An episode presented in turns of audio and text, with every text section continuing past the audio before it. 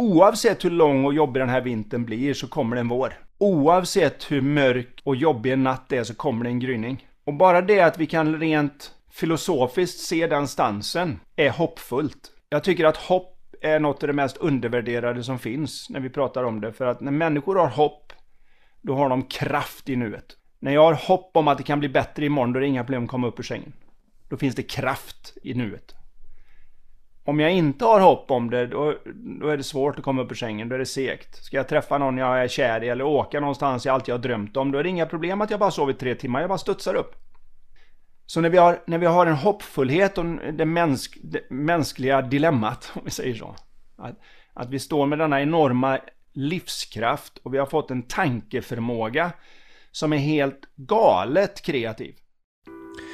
I veckans avsnitt gästas vi av föreläsaren och framgångscoachen Anders Haglund som är en av Sveriges mest ansedda inspiratörer. Och eh, i detta avsnitt kommer du att förstå varför. För vi snackar mycket kring hur vi kan nå framgång i våra liv och också vad framgång är egentligen. Vi snackar också, precis som du hörde i introt här, om att också se hopp istället för mörker i dessa tider. Och jag förundrades själv över alla dessa härliga liknelser som Anders delgav och all hans visdom och kunskap som han delar med sig i det här avsnittet. Så förbered dig på att bli riktigt inspirerad av Anders Haglund. Men innan vi kör igång med veckans avsnitt så har vi ett par ord från vår hälsocoach Viktor om vårt samarbete med Pureness. Jajamän, vi har ju numera ett eh, samarbete då som innebär i praktiken att eh, du som PLC-medlem eller lyssnare av podden får 20% på hela Pureness sortiment om du handlar från deras sida och använder koden PLC-podden i ett ord när du checkar ut i kassan där.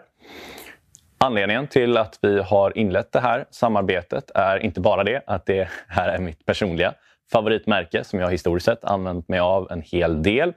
Utan det är att eh, detta är ett företag som har liknande grundvärderingar som vi på PLC har. De står för inga tillsatser och onödigheter, vilket ju jag anammar mycket kring maten. Och ja, kosttillskott är någonting du stoppar i dig så det ska du se precis samma som du ser på mat. Det ska inte vara några konstigheter, inga saker som du inte skulle få för dig att stoppa i dig.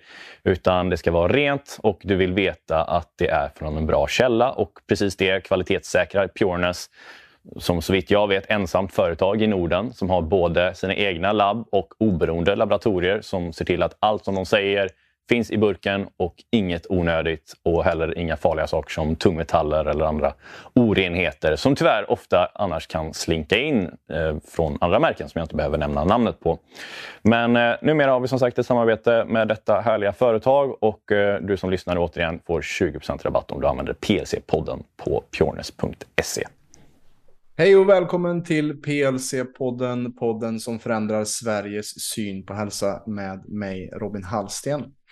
Idag är jag tillbaka med ännu en ny gäst. Framför mig på länken på andra sidan här på Zoom sitter Anders Haglund som är transformativ framgångscoach och en av de mest populära föreläsarna och inspiratörerna i Sverige och han har jobbat med stora namn såsom Tony Robbins en gång i tiden och driver också Lifetalk-podden ihop med sin fru Karin Haglund.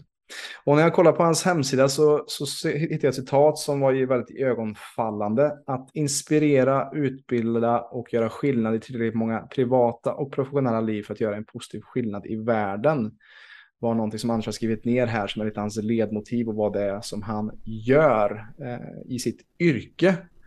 Varmt välkommen till PLC-podden Anders. Ja, tackar så mycket. Hur, eh, hur kändes det här introt? Är det någonting jag har missat? Någonting som, eh, som kanske har kommit på senare år som eh, du vill utforska eller, eller som du vill lägga till här? Nej, du tog ju med min livsvision som dök upp en gång i tiden. Mm. När jag stod i duschen och funderade på när jag bytte från att vara golfproffs och det hette Anders Haglund Progolf AB. okay, och det plötsligt så insåg jag att det ska heta Life Vision AB, att det var någon sorts vision för livet som skiftade över och den visionen då eh, inspirerad av en gigant som heter Sig Siglar eh, som eh, inte lever och inte är bland oss nu men som man lyssnade på lite grann i början där. Och det var min svenska version på att det kändes så rätt att det är det jag vill göra. Jag vill göra skillnad för till många människor för att göra en positiv skillnad i världen, vad den nu kan vara. Just det. Och det är därför jag vill ha med det här i podden också Anders, för att vad, vad du jobbar med är mycket att för, förändra folks mindset för att nå framgång i livet och det är lite det jag vill dyka ännu djupare in i hur vi gör det och hur du jobbar. Eh, men jag är också intresserad av att gå tillbaka lite till, till starten här av, som du sa här, den här drömmen som startade i duschen. Ja. Att du varit golfproffs tidigare. Hur, hur startade den resan att bli coach och att byta bana och kanske släppa taget om en identitet som du hade tidigare innan det du har jobbat med nu då, om man säger? Ja, man kan ju tänka att det var ett väldigt medvetet beslut, men det var det inte alls.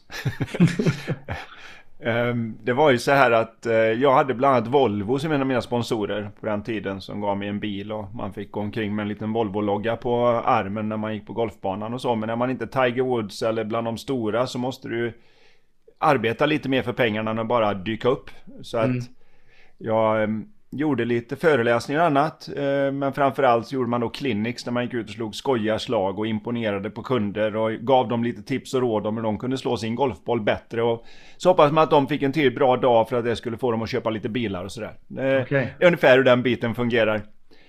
Men så hade jag skadat mig i axeln och eh, kunde liksom inte riktigt genomföra den här kliniken. Och så, men jag vill inte jag vill inte säga nej till att göra någonting. Så jag sa det, jag har läst väldigt mycket om det här med prestationspsykologi. Hur man lockar fram det bästa ur sig själv och andra. Jag kanske kan prata lite om det och lite motvilligt så sa de, ja ah, du kan väl göra det istället då. och, och när jag hade dratt den där grejen och jag kunde inte ens förstå att jag skulle ha något att säga i en timma. Men när jag hade kört en timma så kom han chefen fram där och sa det här var banne med bättre än något annat vi har köpt in. Det här behöver några andra avdelningar höra. Och så gjorde jag det på några andra avdelningar och de tyckte det var väldigt bra och till slut så hamnade jag på deras globala konferens i Edinburgh. Där, eh, där jag då hade fördelen av att jag hade gått på universitet i USA och kunde köra på engelska samma grej. För det var frågan då liksom, det här är jättebra, kan du göra det på engelska? Mm. Ja visst, sa jag. Och, så, och därefter så var jag liksom fullbokad. så, och så upptäckte jag till min stora förvåning att när jag spelade golf så kunde jag vara väldigt bra på det. Jag var Sveriges första Europamästare i golf en gång i tiden. Men jag var tvungen att göra våld på mig på något vis. Jag vet inte hur jag ska förklara det. Kroppen ville inte riktigt. Jag fick alltid fixa och dona och bända och böja och träna och greja. Och då kunde jag få det att utföras. Men första gången jag ställde mig där på scen och bara skulle ställa mig och prata. Jag hade gjort ett manus naturligtvis för jag var nervös för att inte få till något bra. Men det visade sig att jag använde inte manuset när jag väl hade gjort det. Utan, men det, det visade sig på något vis att jag var som en fisk i vatten. Att om jag bara fick göra det här, då behövde inte jag göra våld på Anders för att det skulle komma ut något vettigt ur det. Just det. Och det visste jag inte innan jag gjorde det. Jag tänker på många som kanske står i yrkesvägval och stu, studievägval. Att man vet liksom inte riktigt förrän man kommer in i köket om man är en bra kock. eller om man har det i sig eller om man älskar det eller vad det nu är. Men jag märkte bara att där många andra var väldigt nervösa för att ställa sig på scen så spelar det ingen roll för mig om jag hade, tre, vad har jag haft som mest, 3500 personer eller om jag har 12 personer eller om jag satt one on one. Så var det någonting som kändes väldigt naturligt för mig just. Mm. Jag behövde inte riktigt träna där. Jag var som någon sorts sjölejon som får tag i en boll och bara oj, jag är bra på det här. så, så det var ju en häftig grej att få upptäcka att det plötsligt inte krävde konstant träning. Just det. Utan att det var något mer inneboende just det här. Som kanske då inte alla älskar. Någon annan som har samma sak för någon annan detalj. Min revisor älskar ju siffror på ett sätt som jag aldrig kommer göra tror jag. Nej. Eh, så Ja, det var väl där det började och att jag upptäckte det. Så att det blev en väldigt naturligt sätt att sluta vara golfproffs och gå in på det här. Det kändes inte svårt än det som tyckte men var det inte lurigt att avsluta det och börja? Nej, det kändes mer som att varför skulle jag inte när jag märkte att det här var vem jag är lite mer?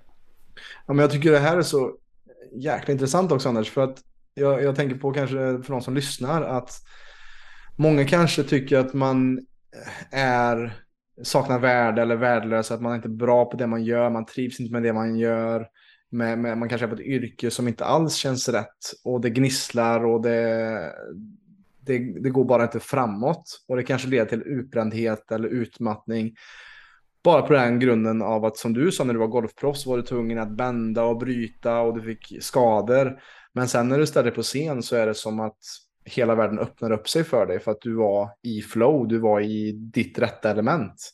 Och att det, det är så många tror jag som är där ute i världen som, som ser begränsat på vad det är man kan göra och vart man ska vara. Vilket gör att man kanske minskar ner på sin egen självvärde när det kanske bara är att du behöver byta din miljö.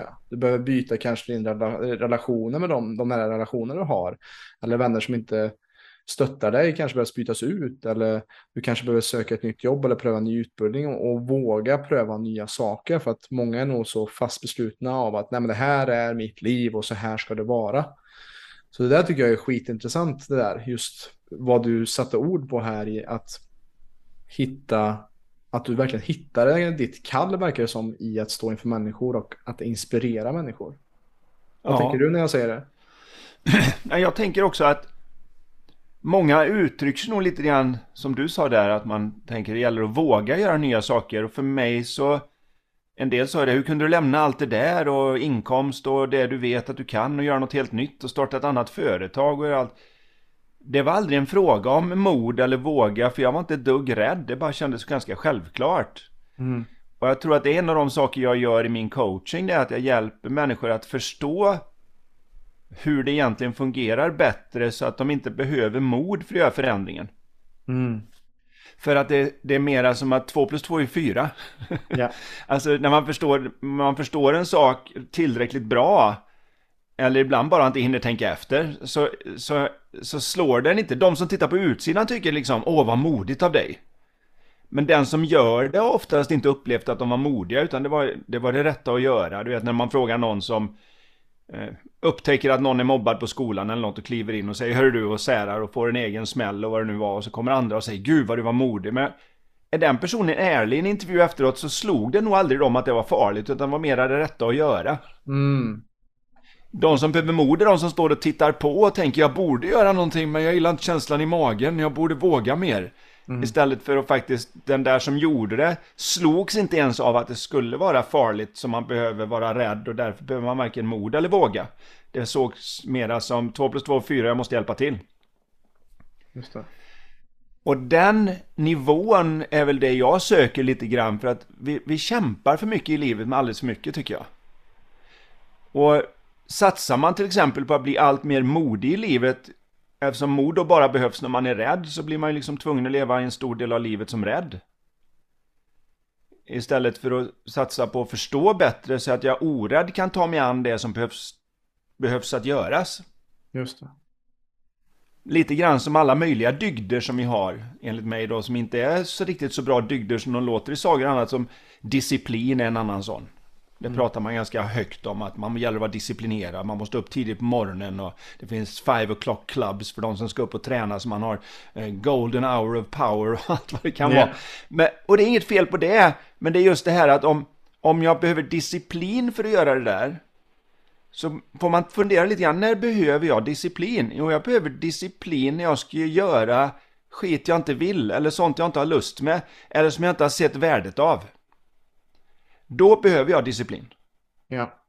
Har jag väl sett värdet av att gå till gymmet så behövs det ingen disciplin att gå dit. Man packar väskan och går. Det slår det inte att du inte skulle göra det. Nej, men exakt. Förstår du vad jag menar? Så jag, jag, jag försöker titta ett steg bakom kulisserna på vad är det som gör det möjligt att göra allt det där vi vet är vettigt men som är så svårt att få till för att vi inte riktigt har förstått tillräckligt för att det bara ska hända. Det är väl det jag Ja, så, och koppla in så att folk ser logiskt att aha, för att ta mig till A till B så behöver jag faktiskt brygga detta som du säger eller, eller steppa in och avbryta någonting och då blir det enklare att ta de här självklara valen istället för att pressa sig igenom. Är det det du menar? Ja, jag vill till och med gå ett steg längre och säga att även om det kan verka som det handlar om logik mm. så handlar det om att få det att trilla ner bakom intellektet. Mm. Därför att logiken kan alltid försvara sig lite. Ja. Jag tänker för mig som har hjälpt massa människor med fobier. Jag hörde någon sån här skön historia. Men man försöker... Det var en som var framme på ett seminarium då, efter jag hade pratat om det här med fobier och de hade berättat om Ja men jag förstår inte hur någon kan vara rädd för att flyga. Det är hur säkert som helst. Jag läste precis en statistik om att man får flyga i 11 200 år varenda dag för att statistiskt kunna säkerställa och ens vara med om en incident. och om man, om man åker bil då behöver man ju liksom inte hålla på en halv livstid innan man är ganska säker på att man kommer att ha en buckla någonstans. Ja. Det är väldigt mycket farligare att, att köra bil än att åka flygplan. Så det är bara att förklara det för någon som är flygrädd så ska det väl liksom lösa sig. Mm. Och då sa jag det, ja nu har jag jobbat så mycket med den typen av människor, ska jag, ska jag reagera som någon som har flygfobi på det du precis sa? Mm. Och de sa, ja vadå? Din jäkel, nu kan jag inte åka bil heller. Jag har liksom inte tänkt på hur farligt det är med bilar. Nu är jag ju lika rädd för det. Fasen! Är du med? ja, exakt. Så, så där är risken att logiken ibland hamnar, förstår du? För när jag redan är känslomässigt engagerad där så faller logiken platt. Så jag är ganska mycket ute efter att få se om man kan få den där 2 plus 2 lika med 4 att falla ner nästan spirituellt bakom intellektet där det bara känns som en no-brainer att det är så det är. Ja, just det. Så att det är inte ens ett, ett intellektuellt argument där jag behöver övertala mig själv från eh, trosystem 1 var inte bra så nu ska jag övertala mig med logik att trosystem 2 är bättre att tro på utan det är mer den där att jag, jag ser det på en sån nivå av insikt att varför skulle jag äta en chokladbit när det finns en frukt att ta? Mm. Jag, jag, does not compute. Var. Varför skulle jag skälla på någon när jag förstår att ingen har någonsin blivit utskälld in i ett bättre beteende? Mm. Om det sitter så händer det inte, men om, om jag bara vet det och jag behöver övertyga mig själv, då är det oftast att den logiken kickar igång efter när det redan har hänt. Fasen, jag borde inte skrika på mina barn, Aj, du vet ju bättre. Ja. Och det är där den stora skillnaden tycker jag ligger, är att när vi intellektuellt försöker och logiskt försöker förstå, då vet vi saker. Och jag tror att varenda människa känner igen sig nu om det är någon sitter och lyssnar, att vi vet en massa grejer och vi gör dem inte ändå. Vi, vi vet att vi borde äta bättre. Vi vet att vi borde gå ut och gå en sväng istället för att, för att bara sitta still och titta på någon YouTube-kanal. Vi, vi, vi vet att när vi har kanske råkat höja rösten att vi borde gå och säga, be om ursäkt, men vi gör det inte. Vi, vi, har, vi borde spara så att vi har lite att ta av när det blir energikriser och annat, men vi gör det inte för den där tröjan är så fin eller... Ja. Så att, vi har alla dem. Och det vi är ute efter är att förstå bättre. Och det kan låta för den som lyssnar nu som att det bara är semantiskt skillnad mellan veta och förstå. Men för mig är nästan den enklaste metaforen och skillnaden att berättar jag ett skämt för någon och de vet att det var kul, så kan de förklara att det var kul för mig som kan säga något i stil med ja, norrman i den här historien förväntar sig ju vara lite dum, medan svensken förväntar sig vara ganska briljant. Och när du då berättar det så här så förstår jag att det blir roligt, haha. Mm. Men om jag förstår skämtet då skrattar jag. Mm. Exakt. Och en av dem har ett väldigt mycket bättre liv. ja. Så, så man kan säga att man är ute efter lite grann att hjälpa människor att förstå så bra att de skrattar åt det som innan var gravallvarligt och hur kan du ens skratta åt det här för det är allvarliga saker för mig. Mm. Och när man kommer dit här när man så att säga kan skratta åt det mänskliga skämtet Ja. då har man plötsligt förstått och då, då faller det in i stunden där jag behöver det snarare än som en vetskap där jag märker efteråt att det var ju dumt, gick jag på det igen. Just det. Och där tänker jag också att istället som du sa att ha disciplin och gå upp tidigt och göra förändringar från det hållet istället att göra att förändringen är så självklar att göra som du säger att man får in det bakom intellektet och bakom logiken och säga att amen, det är det hit jag vill, eller det är hit jag ska, det är det här jag pratar om och verkligen förkroppsliga och att det blir en självklarhet i att amen, vill jag nå detta så är det en självklarhet att jag måste ta de här stegen A, B, C för att ta mig dit. Ja. Istället för att man ska pusha sig och kanske att man följer någon blint vad de har sagt för att man vill bli exakt som dem. Och istället för att lyssna på vad är det faktiskt mitt hjärta och själ berättar för mig vad jag vill bli och, och kanske finns en annan väg. Jag kanske inte behöver gå upp klockan fem. Jag kanske, behö- jag kanske trivs med att gå upp klockan nio och jag kan lyckas med min dröm ändå. ja. Alltså det behöver inte, det behöver inte se ut på ett visst sätt. Och det, det häftiga är ju då att man börjar på riktigt njuta av resan också. Mm. Vad är det för mening att bli framgångsrik om jag inte hade kul? Ja. Och i viss mån är det också som du nämnde där då när man börjar lyssna på vad man verkligen vill. Och det är ju att börja förstå att det är som att bli kär på ett sätt. att det hjälper inte. De, har rätt, de är rätt längd, de har rätt fysiska attribut, de har samma intressen och samma humor. Och där, där, där. Dags att bli kär, det går ju inte. Utan ett enda starkt för att jag vill slår ju varenda skäl och motiv du kan sätta upp. Ja. Och det är därför det är så viktigt att lyssna inåt på vad jag faktiskt vill. Och de flesta tittar istället utåt på vad som verkar vettigt. Ja. Som någon syokonsulent som berättar för någon att här tror jag du kan få jobb om du tar den här utbildningen. Istället för att fråga vad skulle du tycka var så kul att tiden bara försvinner? Ja, jag gillar matte, ja då ska du nog gå åt det här hållet. Ja, jag gillar att vara kreativ med mina händer, då ska du nog gå åt det här hållet. Så, och så får vi se om när du kommer dit om du är som en fisk i vattnet eller så får du göra som norrmännen säger och bara ombestämma dig. ja, men, men det är där som jag tycker är så viktigt också att man kommer tillbaka till varför. Vad är ditt djupa varför bakom det du vill göra? Inte vad eller hur, utan vad är varför? Varför ska du nå din framgång eller din dröm? Vad är motivatorn bakom? Och det är det som jag också vill diskutera lite med dig också här. Alltså vad, vad är framgång för dig Anders? Vad betyder det? Eh, begreppet att vara framgångsrik. För att många kanske såg på dig som golfproffs och eh, stod på Europaturnén. Att du är, nu är du framgångsrik. Men du fick skador och du kanske inte kändes helt hundra. Och sen så bytte du spår och kanske folk ifrågasatte dig. Men Anders, du var ju så duktig på golf. Varför vill du ställa dig för folk och prata? Det är tråkigare liksom. Så ja. att, att, fram, att vara framgångsrik har ju inget egentligen med med, det beror ju på hur man ser på det själv, tänker jag. Hur tänker du kring, kring fram, att vara framgångsrik och vad är framgång för dig? Jag har en väldigt enkel definition på det med mina klienter. Mm. Faktiskt. För den kommer ju upp lite då och då. Hur vet jag eh, vad det handlar om? Mm. Du säger, egentligen är det bara att du kan besvara en enda fråga med ett rungande ja. Rakt från hjärtat utan tveksamheter. Och så undrar de naturligtvis, vad är frågan då? Älskar du din upplevelse av livet? Mm. Och jag svarar, nej, nej, då är du inte framgångsrik. Okej.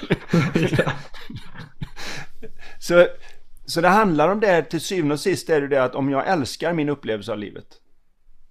Om jag älskar att gå hemma och pula så är jag framgångsrik om jag älskar att dra, dra in miljarder och göra extremt mycket av värde någonstans. Och jag älskar den upplevelsen att flyga kors och tvärs över världen och ha möten och det här, vad det nu än innebär. Ja, då, då är du framgångsrik. Men de yttre attributen tycker inte jag har nästan, ja det har ingenting med det att göra. När du ska diskutera din framgång. Det, det är som att det är två olika saker med spelet för livet och att kunskapen att leva. Mm. Där spelet livet är mer som att bli bra på monopol. Där där det är som att eh, någon monopolexpert sa till mig någon gång att du ska ta de gula gatorna för äger du dem så, eh, så maler du ner de andra för statistiskt och pro med probabiliteten så då vinner du det. Han har liksom okay. kollat det. Skit i köpa de där diplomatstan och de här dyra som känns som att bara få hotell där så vinner jag. Eh, Nej, nej, nej. Ta de andra sen äger du allt. Eh, mm. Ja, är du duktig på det då vinner du bara för att du har förstått hur det funkar på samma sätt som någon som vet så här bidrar med värde så här skalar jag produktionen av det värdet. Ja, då sprutar det in miljoner och miljarder på kontot. Om, om du vet hur den processen går till, eh, då, då, har du, då kan du det. Men det har ingenting att göra med att vara duktig på att leva. Men du är så att säga duktig på monopol, men det är inte säkert att du är duktig på att ha kul medan du spelar monopol. Ja. Kanske mest är sur hela tiden och vill dra hela spelet i väggen så fort någon annan köper en gul bara för att du vet att den är bra. Så mm. det, så då är du inte duktig på att leva, men du är duktig på själva spelet som jag kom på. Så en gång i tiden fanns det inga pengar. Och sen hittade vi på pengar. För det var enklare med att överföra ett kommunalt värde som vi har bestämt hur mycket det är än att komma och säga mina två kycklingar är allt värda en rotkanal. Mm. och så säger han jag behöver inga kycklingar, jag har ingen lust att gräva i din mun för två kycklingar. Och, men, men om vi kan på något vis säga neutralt är det här tusen spänn. Ja det är det värt för det kan jag använda till vad jag vill nu. Då har jag liksom ett, någon form av eh, presentkort som jag kan använda i den affär jag vill. Ja. Så vi hittar ju bara på det monetära systemet som ett sätt att förenkla överföringen av värde från en enhet till en annan. Mm. Men det är inte vad folk tänker på när de tänker pengar. De tänker frihet och trygghet och lycka och allt möjligt och det kan inte pengar göra. Mm. Hur mycket du än har, om du har så mycket du kan stoppa det i öronen så kan det inte göra det.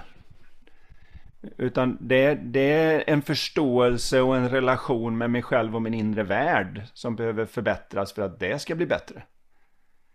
Och det är en helt annan grej. Men de flesta har på något vis kopplat ihop dem.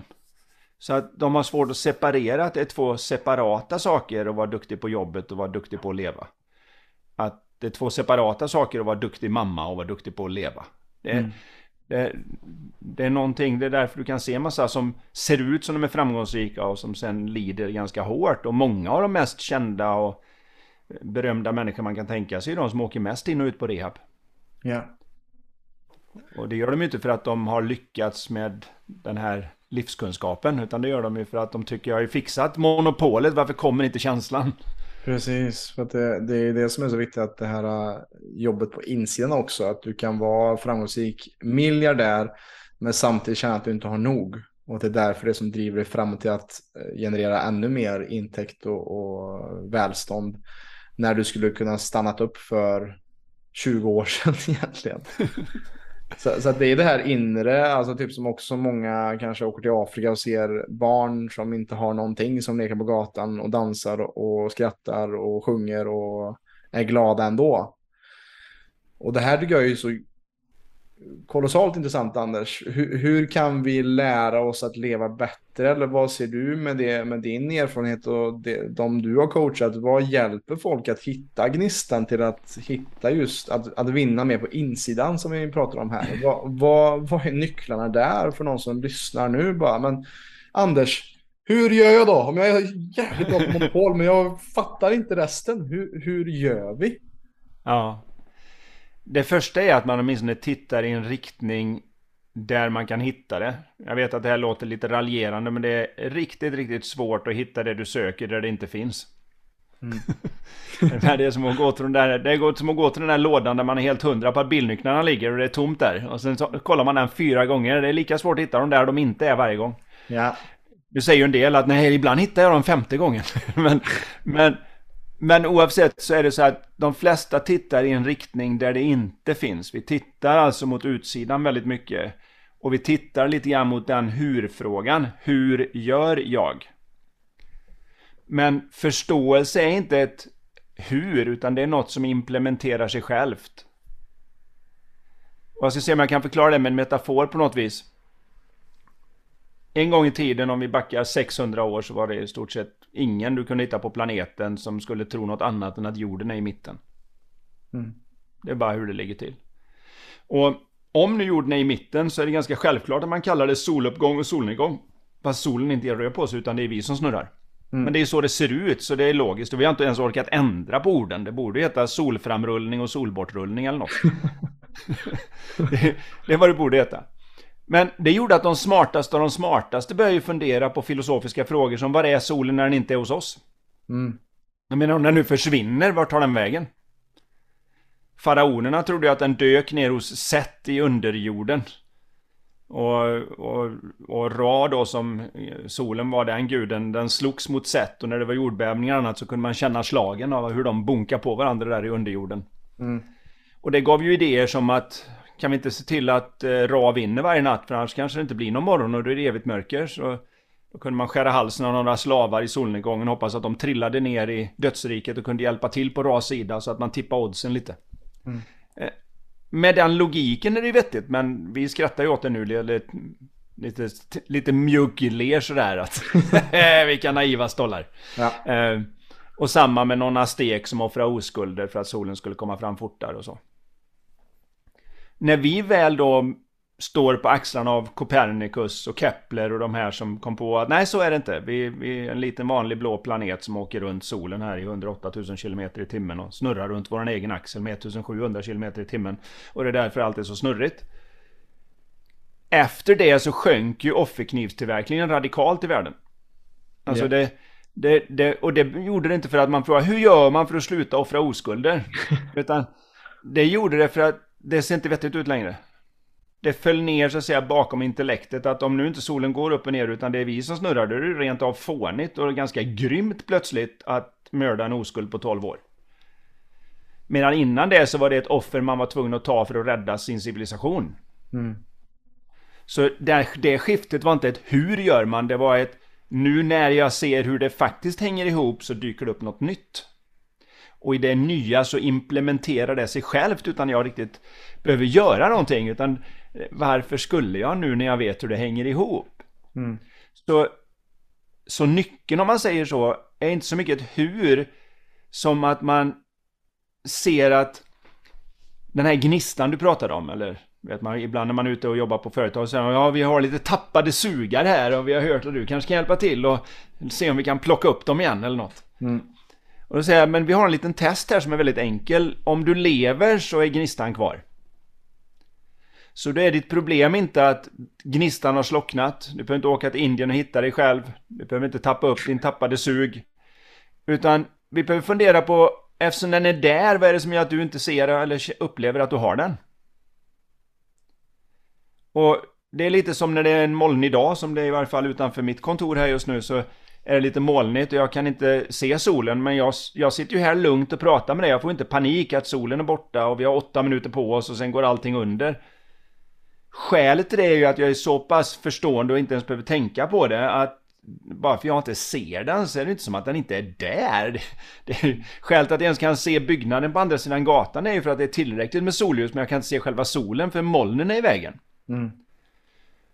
Och samma är det med någon som upplever att de inte riktigt har samma gnista som förut. Att det är inte att den har slocknat eller är lägre, det är bara det att det är någon form av moln i vägen. Och det som senaste forskningen visar att det är som hamnar i vägen, det är att det är tankar som vi tar på allvar som är i vägen. Så att om du tittar på någon som är lite död i ögonen eller de är svarta i ögonen så det nästan gnistrar om dem på ett annat sätt så vet du det att den ena har vad är det för meningtankar i någonstans i huvudet som blir till en form av jalusi framför deras livskraft eller deras inre sol eller vad du nu vill kalla det som vi inte har en aning om vad det är för något. Och när, när den då blockeras så, så mörkar det ögonen på något vis. Antingen trött eller om det är förbannat. Jag, alldeles tydligt, jag ser så tydligt hur de utnyttjar mig och alla är ute efter mig och sånt. Och då kan man börja se arg ut istället och det svartnar. Men det gemensamma är att det där kan skifta ganska snabbt om någon råkar distrahera dem eller ha lite humor eller få dem intresserade av något eller vad det nu än är. Så plötsligt så glittrar du till. Ja. Och, att det går, och att det går så fort visar att det är ingenting man bygger. Det är någonting man avtäcker. Mm. Och de flesta som jobbar inom personlig utveckling har vad jag kallar det oskyldiga missförståndet när de träffar på någon att de tror att de måste bygga upp dem. Att de måste lägga till någonting. De måste ge dem något fantastiskt. Ge dem den extra nyckeln, ge dem den extra tekniken, ge dem någonting. Istället för att se att nej, allt jag behöver göra nu det är bara att avtäcka molntäcket så lyser deras sol och när vi möts sol till sol så finns det inget problem som är så stort att vi inte kan komma tillsammans för att lösa det. Och när vi möts så att säga osäkra tankemoln mot osäkra tankemoln, ja då finns det inget problem som är så litet att inte det kan vara en skilsmässorsak eller anledning till att inte ens kunna samarbeta civiliserat. Men vi har en tendens att titta mot hur och vad är det för saker som behöver fixas istället för att se den bakomliggande jag vill säga, den bakomliggande blockeringen och den mentala klarheten som det egentligen handlar om. Mm. Så om jag bara är mentalt klar så kan jag vara arg men det påverkar mig inte lika mycket därför att jag ser igenom att nu är jag arg och vet jag bara om det så vet jag att jag är i lustiga huset nu och att alla ser ut som de är emot mig just nu. Men att om tio minuter när jag har lugnat ner mig så kommer jag undra varför gjorde jag så stor sak av det lilla? Utan att något har förändrats mer än att mitt, min sinnesstämning eller min mentala klarhet har skiftat. Och bara den förståelsen gör att vi ser att vi nästan är i samma läge mentalt som aztekerna var en gång i tiden. Att när vi blir låga, när vi tappar det, när vi mår mindre bra, när vi har obekväma känslor så blir vi gärna lite oroliga för att tänk ifall det inte bara är att jag inte kan se solen, tänk ifall det är evigt mörker på gång. Mm. Hade jag inte en kolerisk farfars far som sköt sig eller något? Jag kanske har samma tendenser i mig och det här är inte bara en dålig dag utan det här kan vara början på eh, klinisk depression och utbrändhet och annat elände. Och när jag drar iväg där, ja, då börjar jag bli villig att offra vilka oskulder som helst. Ja. Istället för att se att nej, nej, inget, ingenting är på riktigt hotat här nu, utan jag har bara ett gäng tankar som ser otroligt verkliga ut för mig. Och då får jag en form av varningssignal från systemet som säger ta inte dem på allvar. Och den varningssignalen funkar exakt lika bra som en fysisk smärtsignal där om jag tar på en brännplatta och, och signalen skjuter upp i hjärnan på mig så kommer jag inte tänka åh, det där gjorde ont, det måste jag utforska och hålla kvar lite. Och när det gör extra ont så säger man nu är jag på väg vet du, vi gör framsteg här. Det här är jobbigt som fasen vet du. Nu luktar det bränt fläsk, det här, nu är vi nära transformation. Utan vi fattar att ta bort handen från plattan. På samma sätt jobbar egentligen den mentala immunförsvaret eller mentala smärtsystemet att när jag får en sån här hö i kroppen så försöker den bara säga att du vet vad? Vad du än tänkte just nu är orsaken till den här känslan. Och du behöver ta bort handen från den mentala plattan och sättet du gör det på till skillnad från i den verkliga världen är att du bara lyfter bort allvaret du tar det du tänker med just nu. Ja. Och om du gör det så, så lägger varningssignalen ner. Men om du inte gör det och tror att nej men jag känner så starkt, det måste ligga något i det och börja fortsätta, då blir signalen starkare och starkare och starkare. Och, och då tror man att man är på rätt spår istället för att säga att nej men det är så bra jag funkar just nu att när jag är ansträngningslös och lite skön då tar jag det mesta i livet på ett bra sätt och jag är effektiv och kreativ. Man är som, för mig som har tre barn i lite, vad är de nu, de är 6 och 8 och 12. När de är små, 4-5 år, när de är på ett skönt ställe, då är de ju så kreativa och produktiva så det är helt galet. Alltså de, man gillar ju inte alltid produktiviteten. de, de ritar på väggar och kissar i hörnen och bygger prylar och varenda grej man har hemma och sånt. Men man kan inte säga annat än att man blir förvånad nästan när man går ut och lagar mat, kommer tillbaka och säger hur sjutton har ni med allt detta? Mm. Och när de är missnöjda, ja då lägger de sig ner på golvet och man får nästan lyfta dem från platsen för det är liksom Jag har glass, och vi ska äta middag nu, jag bryr mig inte. Och sen så får man liksom bära iväg dem. Men av någon anledning är jag ute på företag och man hör på ledarskapet så verkar det som de tror att vuxna är precis tvärtom. Att en vuxen människa som är nöjd och på en bra plats är en lat människa. Det är en fat cat som inte kommer göra något. Mm. Så hemlisen att ha ett produktivt företag det är att hålla alla lagom missnöjda. Så att de har motivation nog att göra något vettigt. Så att de kan dö nöjda med allt de åstadkom. Och det är en märklig plan som jag ser det. Istället för att se att kan vi lägga upp en bättre och högre förståelse för hur livet funkar som människor kan vara oftare i sitt välmående, må bra, se hur otroligt mänskligt det är att tappa det och råka ut för en tankestorm eller något som blockerar den där inre solen.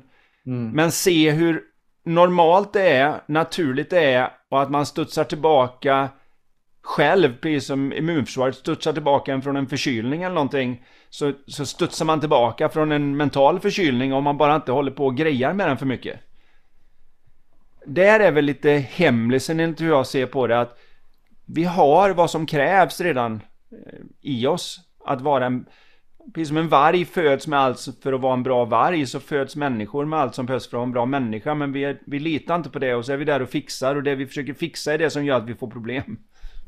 Ja just det, precis att, att um, det finns en jättebra bok som heter Civilized to Death av Chris Ryan heter han och han snackar också om det att hur den civiliserade världen har skapat nya innovationer för att ta hand om vad innovationerna har skapat för problem. Alltså, ja. På många sätt så, så är att vi skapar mer och mer saker som sparar tid men vi är ändå mer stressade än någonsin vad vi har varit som en mänsklig ras. Och lite det som du snackar om här, det här med den inre gnistan och, och, det får verkligen mig att, att bli glad och lyssna på för att som jag ser det också så är det ju identifikationen med våra känslor och tankar. Att vi identifierar oss med och tror på för mycket av vad som sker och också att vi går tillbaka för mycket i vad som har skett eller tänker för mycket på vad som kommer ske med energikris och världskrig eller man tänker på uppbrott eller och man tappar bort nuet. Man tappar bort det här lekfulla kreativa nuet och det är därför som vi startade det här avsnittet också med, brukar alltid göra med alla poddavsnitt, att vi startade i en nollställning. Vi bara stannade upp och tog en kort paus och mediterade ihop och bara så det är det jag försöker göra, skapa ett, ett nytt eh, vitt blad bara. Att vad kan vi skapa från nuet?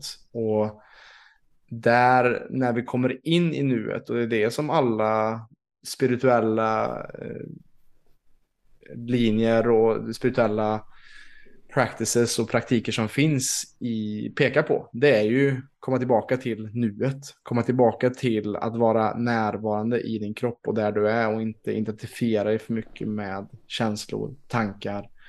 Och eh, för det är oftast där lidandet finns. Och, och som du säger tycker jag det är så fint det här med att amen, jag, jag sitter också här gråmulet, det regnar, har varit storm. Men solen lyser ju ändå någonstans bakom där uppe. Och Visst, det kan vara stormigt, det kan vara regnigt i våra liv, det kan vara moln i dagar, månader, kanske till och med år. Men solen finns där någonstans. Och det är någonting som vi inte ska glömma bort. Att bakom allt elände som kanske finns, och det är också det här kontrasterna av att ha molnigt ibland som gör att när solen väl bryter fram och vi kommer i kontakt med vår inre essens, då märker vi också skillnaden på, aha, det är det här jag har letat efter. Det är det här som är rätt. För vi har varit i vad som har känts fel och inte bra allt för länge. Ja. Och förståelsen för vad det är som händer där kan göra det så mycket lättare för då ser man, jag behöver inte för det här är en liten grej, jag, bara, jag vet att det här är återigen lite semantiskt men jag vill ändå ta upp det för att vi pratar ofta i termer, för vi har ju inte ord för soluppgång och solnedgång. Vi har bara behållit den gamla vidskepliga idén om att den rör sig upp och ner. Mm. På samma sätt så pratar vi ofta om till exempel hur man kommer tillbaka i nuet och hur man kommer tillbaka här. Men sanningen är att det inte går att lämna. Mm. Du kan inte lämna nuet och du kan inte lämna häret. Så, så, men man kan skapa upplevelsen om att man har gjort det via sina tankar. Så man satt i någon eh, skolsal med en lärare som var ungefär lika rolig och tittade på så när färg torkar. och, så, och, så förs, och så försvann och så försvann sinnet ut på skolgården när man funderade på om man inte borde spela fotboll på rasten eller vad det nu var. Och i samma stund som jag började tänka på det så löses ju hela klassrummet upp i sina atomer för mig. Mm. Det innebär inte att det gör det på riktigt, utan det är bara för mig slutar det existera. Så även om jag tittar rakt på läraren med mina ögon så ser ju inte jag med ögonen, jag ser med mina tankar. Så om inte jag tänker på läraren så ser jag inte läraren. Så jag sitter och tittar rakt på honom eller henne, men jag är på fotbollsplan. Så när det bryter igenom mitt medvetande att de säger jaha, då kanske Anders ska komma fram och redovisa. Då upplever hela min hjärna, precis som vi när vi ställer oss och tittar på en kväll när solen går ner. Så hur mycket jag än kan tala om för mig själv, det är jag som åker åt andra hållet med 1200 km i timmen. Det är därför det ser ut som det Hur mycket jag än försöker det så går inte, sinnena går inte med på det. Det är solen som går ner. Mm. Jag är still, solen går ner. Det är inte jag som rör mig fort. Jag har liksom hjärnan kalibrerat om så vi inte känner snurren. På samma sätt nu när läraren säger till mig, då kanske du kan komma fram och redovisa. Och jag, då blir min upplevelse att jag kommer tillbaka i klassrummet, kommer tillbaka i nuet, kommer tillbaka i kroppen och nu är jag, nu är jag här liksom. Mm. Men det var inte vad som hände, utan vad som hände var att jag hade skapat illusionen via mina tankar att jag inte var nu. Att jag inte var här. Att jag inte var i min kropp utan spelade fotboll där ute. Och den illusionen bröts när jag så att säga lite rått kom tillbaka i verkligheten som man kan tycka. Men jag kom inte tillbaka, jag bara suspenderade allvaret i de tankemoln jag precis hade som gjorde att jag inte kunde se vare sig tavlan eller läraren. Nej. Och det gör det så annorlunda när man väl ser det att jag behöver inte jobba på att komma tillbaka till någonting jag aldrig lämnar. Jag behöver bara avbryta teknikerna. Det är det som är det är det som är det luriga när man då har problem att sova. Att ju mer jag försöker att somna, ju vaknare blir jag. Och det är för att det är naturligt att sova, så evolutionen, årmiljonerna har inte behövt installera någon sova-knapp, den har bara behövt en vakna-knapp. För om jag sitter och liksom håller på att dåsa till och det kommer ett lejon och brötar till, då gäller det att vakna fort som rackaren. Då gäller det bara fullt påslag med adrenalin och norefedrin och allt det där som kommer från binjurar och andra ställen. Och boom upp i ett träd, annars skulle inte vi sitta här om inte våra förfäder hade fixat den. Exakt. Men att sova, det har liksom inte naturen ens slagits av att det ska behöva. När man, är, när man har jobbat en hel dag och plockat bär och undvikit lejon och gjort allt det man behöver göra i vardagen, och då är man trött. Och så när man sätter sig ner och säger nu, nu är jag trygg, någon vaktar eller jag är uppe i ett träd någonstans, då bonk så somnar man. Mm. Som ett barn gör liksom. Men så har vi fått för oss då, nej jag måste sitta upp lite längre och jobba idag. Men nu måste jag ha min skönhetssömn. Och så vi får för oss att vi då ska trycka på en knapp där som är sova-knappen. Och vi fattar inte att den enda knapp som finns är en vaken-knapp. Så ju mer jag trycker på sova-knappen ju vaknare blir jag. Ja. Så att det är som att sitta i en bil där jag tror att det finns en gaspedal och så finns det bara en bromspedal. Mm. Så när jag försöker gasa så trycker jag på bromsen och så bromsar jag och ju mer det bromsar ju hårdare trycker jag på bromsen för jag vill ju gasa. Ja. Svåraste som finns för alla idrottare den, som jag coachar då när jag har varit mental rådgivare vid olympiska, olympiska kommittén och Riksidrottsförbundet och när jag sitter med professionella idrottare är ju att få dem att förstå att du behöver inte gasa. Om du springer så springer du så fort du kan om du slappnar av, för kroppen vet hur den springer. Mm. Börjar du försöka ta i för att springa fortare så saktar du ner även om det känns fortare för dig. Mm. Det är jättesvårt, det är därför de ser ut som Sankt Bernhardshundar i ansiktet, alla sprinters. Det är liksom bara floppar omkring så här. För att de, de, de vet att det mest avslappnade jag kan vara, men när jag springer tillåter kroppen att springa så fort som möjligt. Ja, just det. Tittar- Allt jag gör, allt jag gör för att gasa kommer bromsa ner mig. Ja.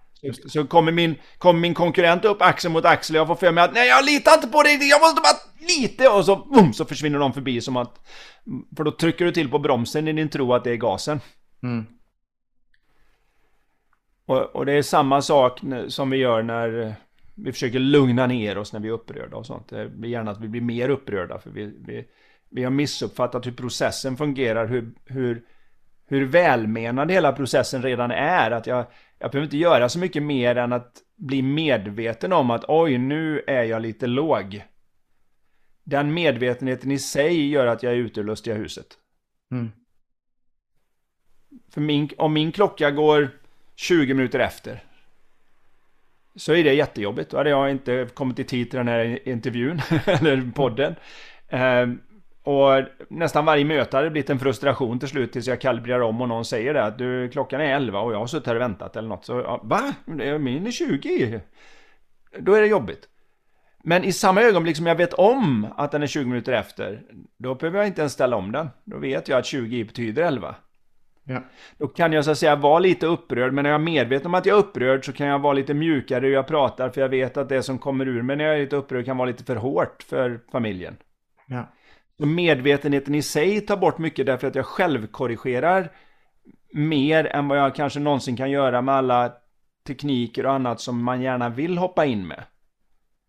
Det är inget, det är liksom bra, men det är inte det, är inte det, det är inte så vi gör det. En, en, en chef på ett större företag som kommer hem och känner att de måste slappna av framför tvn. Om du frågar dem så kommer de säga det, nej jag behöver titta lite på tv för att slappna av. Och frågar man vad är det som slappnar av dig? Jag vet inte det, men det är något med tvn. Nej det är det inte, det är något med dig. Det är bara att du har ett kontrakt som säger att jag tillåter inte mig själv att göra min nedlugningsprocess innan jag tittar på tv. Mm.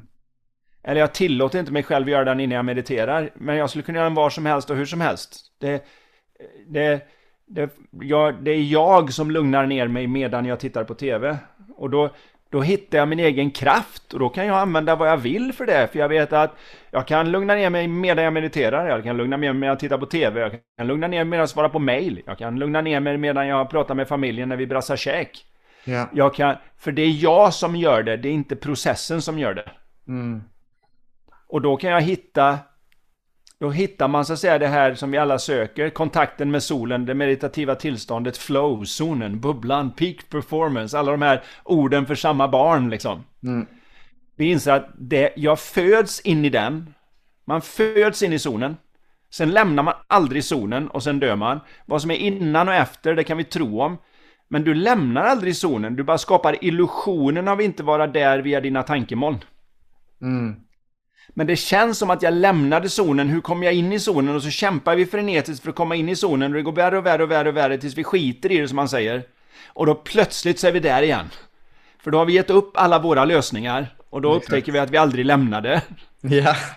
Det fanns med. Ja. Ja, men då får vi för oss att nästa gång jag har det här problemet så vet jag vad lösningen är. För nu har jag ett nytt verktyg, det är skit i det. Låtsas att du inte bryr dig om om det går bra eller dåligt. Och eftersom en av grundinställningarna i den mänskliga själen verkar vara att vi bryr oss om allt. Mm. Du vet, hundar i diken, katter i trän, hästar i... Du vet, det- vi bryr oss om allt. Och, och de som känslomässigt känner att jag orkar inte bry mig för jag mår dåligt så hur mycket jag bryr mig. Det är de som säger jag skiter, jag skiter i det. Jag orkar inte, jag bryr mig inte. Så, Och på något sätt tänker jag också så här, att, men det du säger att, att eh, många jobbar ju i nuet för att uppnå någonting i framtiden istället för att fokusera på gillar jag det jag gör i nuet?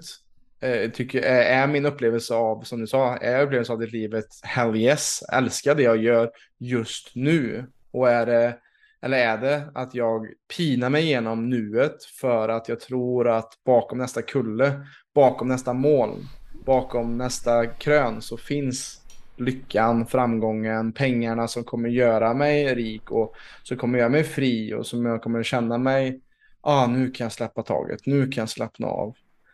Men frågan är om du inte är nöjd med det du gör idag eller den du är idag och tror att, att du kommer att hitta det bakom nästa topp att bestiga, då, då kommer du nog förmodligen jaga i resten av ditt liv ja det är ju det där som vi nämnde innan att det är jättesvårt att hitta det du vill hitta där det inte finns. Så att, då hjälper det inte hur bra man är på att leta liksom. Nej. Eh, Det är ju många som letar i nästa seminarium, i nästa bok, i nästa upplevelse, vad det nu än är, nästa, nästa nolla på bankkontot eller vad, nästa magruta eller vad det nu råkar vara. Känner igen mig. Ja, det, är, det är mänskligt något galet, eller hur? Så, men, men sanningen är ju också att det är, ibland blir det nästan en överdriven jakt på att vara där i zonen i nuet också. För att jag vill påstå att kanske en av våra finaste gåvor är att vi är några av de få som har möjligheten att gå framåt och bakåt. Mm. Vi kan gå bak i vårt förflutna och hämta resurser därifrån. Just det, det förra mötet jag hade, det gick så här. Så den här gången ska jag börja så här istället. Mm. För då kommer det nog...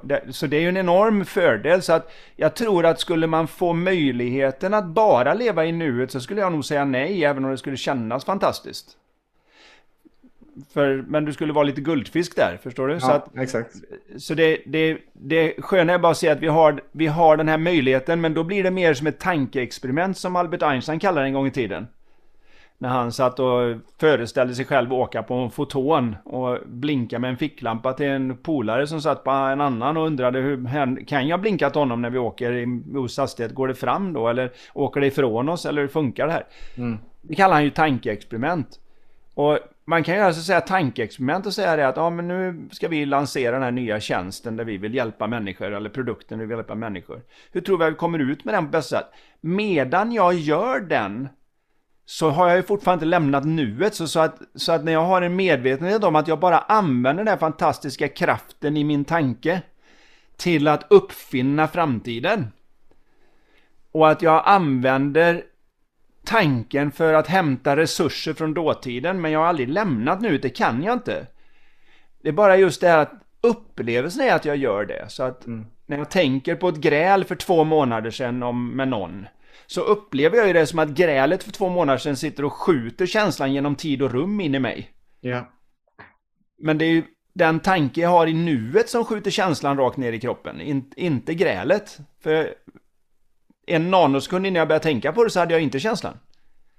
Och hade det varit vad som hände för två månader sedan så hade den skjutit mig hela tiden. Mm. så att, så att det upplevs så, men det, det är alltså det jag känner nu kommer alltid från tanken i ögonblicket, men maskerar sig som att det kom från dåtid eller framtid. Och när vi tror det, då, försöker, då har vi bara ett alternativ. Då får man göra som Freud gjorde, åka bakåt i tiden, ändra på sina resurser, omtolka situationen och komma hem igen. Så att säga. Men om du förstår det hela så är det ju bara, det gör inget om jag tänker på det där, för så länge jag inte tar den på allvar så är den genomskinlig och solen lyser igenom. Ja, precis. Alltså, tankar som inte är tagna på allvar är genomskinliga moln. Ja, ja. Blanda in lite humor på det också som du sa tidigare så, så eh, kan man ju avlasta mycket av det lidandet som, som uppstår. Jaha, nu tänkte jag på det här, tokigt. Eller alltså vad, varför är det här ens? Varför ja. gör det här mig fortfarande? Jag, jag skojar ibland med mina klienter och säger det att om du förstår något av det jag säger så har du åtminstone momsfritt lidande. du kan få dra momsen. Ja, precis. Professionellt lidande. ja, ja. Momsfritt lidande, ja det var något nytt för mig faktiskt. Får dra, får dra bort 20% i varje fall. Ja. Livet blir lite drägligare. Hej allihopa! Jonas här. Då jag vet att många i samhället upplever utmaningar kring sin hälsa men inte riktigt fått hjälpen de behöver så har jag lagt upp ett kostnadsfritt webbinar för dig som inte är medlem. I detta webbinar kommer jag prata om vanliga grundorsaker bakom konstant trötthet, låg energi, sömnsvårigheter, magbesvär och värk. Och du kommer även få mer info om hur vi på PLC jobbar för att åtgärda detta. Du hittar mer info om webbinariet i beskrivningen till detta avsnittet. Men med det sagt så tackar jag för mig. Tillbaka till dig Robin. Men, men Anders, jag är också nyfiken på att du som har coachat tusentals, om inte tiotusentals, och stått inför eh, tusentals människor på scen eh, och mött så många människor i ditt liv, i din coachingkarriär. Vad, vad ser du är det vanligaste som blockar solen? Vad är det vanligaste som blockar vår gnista? Vad, vad är det du gång efter annan ser som mönster att det här är någonting vi får jobba med även med den här klienten och den här klienten. Ja. Jag ser att det, detta är vanligast som kan hjälpa folk som lyssnar kanske inse, kanske en fråga som man kan ställa sig för att jobba vidare med. Vad är det faktiskt som hindrar mig från, från att leva ett liv på mina villkor eller att känna framgång på riktigt som vi har pratat om här. Ja, bra fråga. Framförallt jag tror många står inför den. Och det är ju något som jag själv grunnar på en hel del när man sitter med folk och jag kan väl säga att det vanligaste är det oskyldiga missförståndet att man kan lösa interna känslomässiga utmaningar med externa metoder. Mm. ja.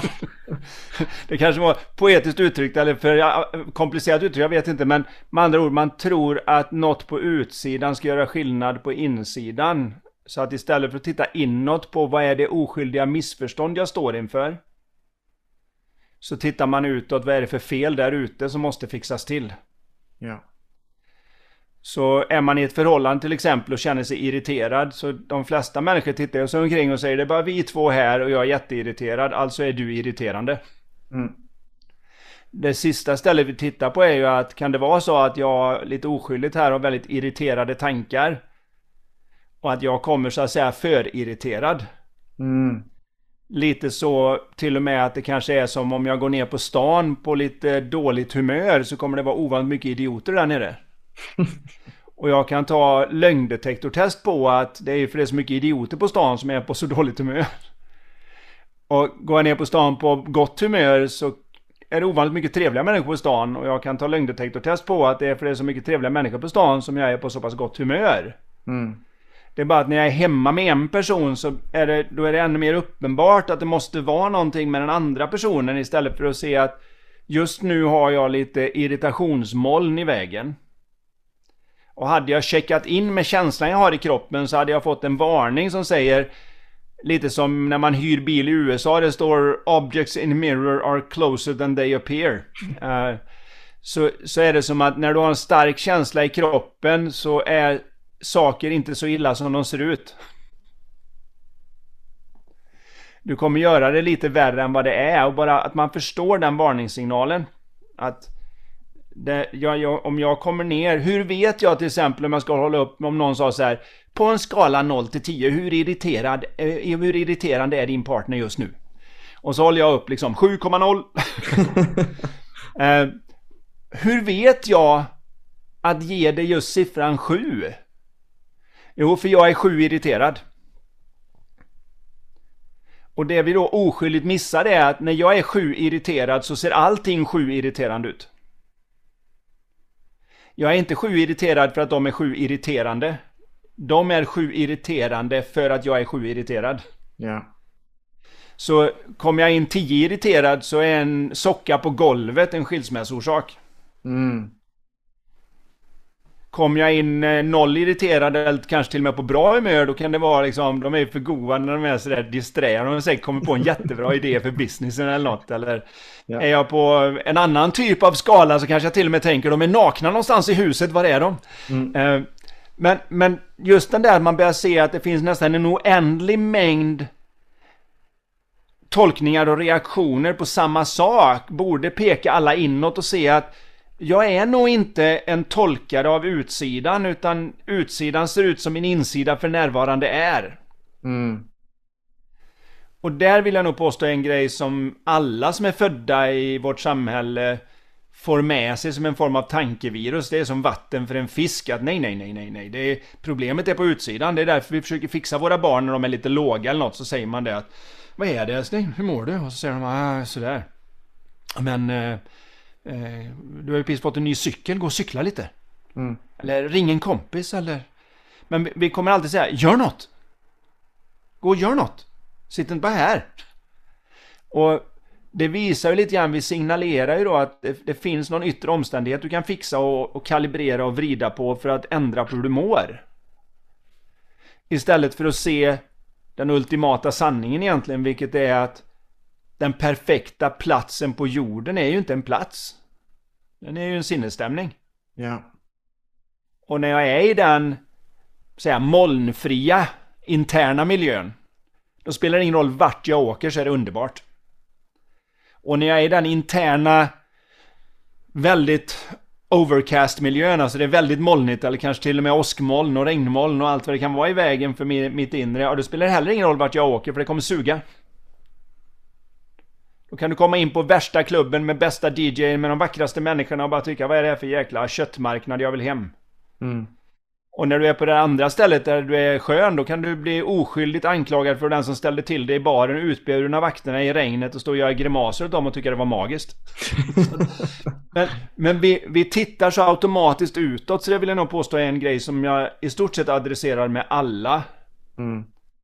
För när de blir befriade från det så blir det lättare att göra rätt sak obetingat vad som pågår på utsidan. Att, att titta på vad som är rätt snarare än göra min bästa gissning på vad jag tror jag behöver göra för att må bra igen. Mm. Jag kan bara se på mitt egna liv eh, hur jag kom i kontakt med meditation och mindfulness och den biten också. Det var för att jag, mitt inre var i sånt kaos så att all extern stimuli gjorde att jag gick över kanten med att jag spydde eller att det var sådana saker. Och Det var när jag först började komma i kontakt med personlig utveckling och hitta min första mentala coach själv, eller min mor rättare sagt hittade den första mentala coachen själv, som jag insåg det som du är inne på här nu att ah, om jag lugnar och stillar mitt inre, mitt, mitt centrum, mitt mitt, så på något sätt så förändras den yttre världen. Min bror blir inte lika jobbig, eller fotbollsmatchen som jag var nervös för blir jag inte lika nervös för. Jag blir till och med taggad. Eh, och skolgången som jag knappt klarade av, den blir mer dräglig när jag jobbar på att stilla mig själv och se mig själv fixa det i mitt inre. Att försöka hitta den här inre platsen av stillhet och, och frid gör ju att, som jag ser också, alltså den, den stora när man snackar om i dessa tider med mycket där vi har världskrig som kanske står för dörren att för min del, kanske låter esoteriskt och spirituellt, men det andra sättet att verkligen få världsfred det är att hitta freden inom oss, hitta frid, alltså kultivera det, kultivera lugnet så att vi kan sprida det till våra partners och vår familj och större och större ringar. Att det måste börja där. Det är inte så att vi ska kriga för att få fred. Det är som att ha sex för, alltså fucking for virginity is like having... Men jag, jag brukar ha en lite, jag brukar Ja. ha en lite mer PC-variant på den, vilket är att det är lite som att gå in i duschen för att torka av sig. Ja, exakt. Ja. Precis. Så, så, så att det är ju den här inre processen, det här inre jobbet som kanske låter flummigt för många andra, men jag ser bara att min livskvalitet bara blir bättre av att jobba, göra det här inre jobbet. Och det är inte alltid att det är bra, men det är fan mycket bättre än vad det var för 10-15 år sedan när, när mitt inre var i ett mer kaos, oftare i kaos. Ja. Jag tror också att även om det hjälper många att vi är lugna så kräver det en viss nivå av utbildning så att folk kan förstå bättre. För det är först när vi förstår bättre som vi kan göra bättre. Mm. Och ibland är det bara vardagliga exempel, för det här är oftast det du nämnde nu som du har sett, att om jag är lugnare på insidan så ser plötsligt allting bättre ut på utsidan. Mm. Att världen är så att säga inte skriven i sten utan lite mer i mentalt vatten.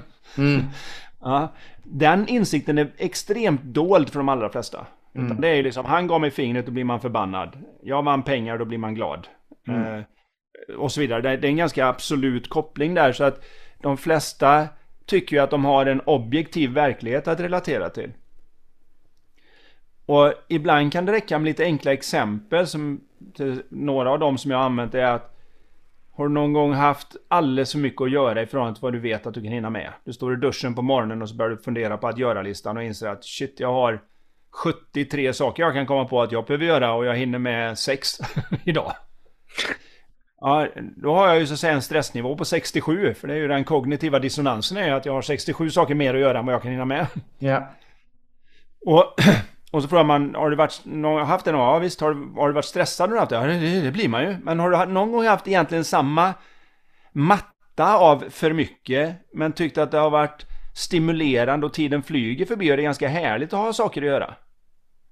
Och då tittar nästan alla på mig lite förvånat och säger, ja det har jag ju. Har du någon gång haft ingenting att göra och varit stressad av det? Ja, det har hänt att man får väldigt myror i brallan ibland när man inte har något och ringer inga kunder eller har ingenting att göra, gud vad tråkigt. Ja, har du någon gång haft ingenting att göra och, och, och känt att det är underbart att få komma i fas och bara få vara och reflektera och säga ja. Jag vet inte om, hur det är för dig, men jag är egentligen ingenjörsutbildad och jag gillar ju principer och principer de är ju sanna hela tiden. Så det, det du beskriver nu det är ju att om det hade något med att göra-listan att göra då har vi som om jag tappar en grej i gravitationen och den ena gången faller uppåt och den andra gången faller neråt. Det är inte en princip. Nej. Så då måste det vara något annat som händer. Vad kan det vara? Mm. Och då kan man se hur de blir så här, va?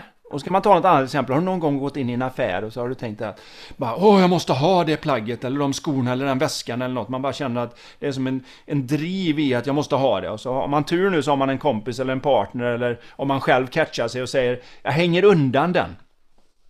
Och tar den efter lunch eller middag.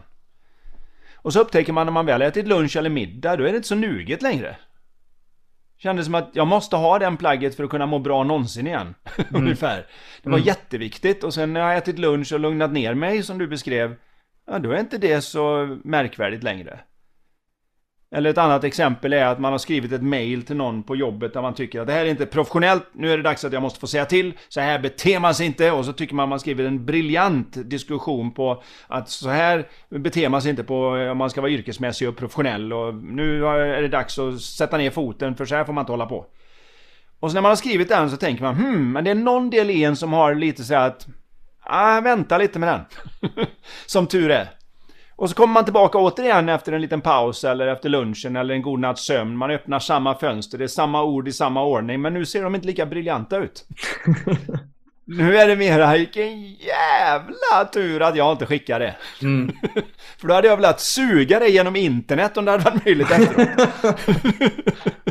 och så skriver man om det och så kommer det lite mera, man förstår att om jag vill vara effektiv här nu så kan jag inte skriva så för den andra personen kommer bara gå rakt i försvarsställning och tycka att jag är en idiot.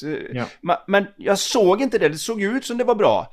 Och då blir ju den här frågan som är dold för de flesta då. Vad är det som har skiftat? För orden är ju samma, bokstäverna är samma, de är i samma ordning och ändå ser det som skillnad på hur de ser ut. Och då börjar de, börjar de nysta lite i det här, vänta lite grann.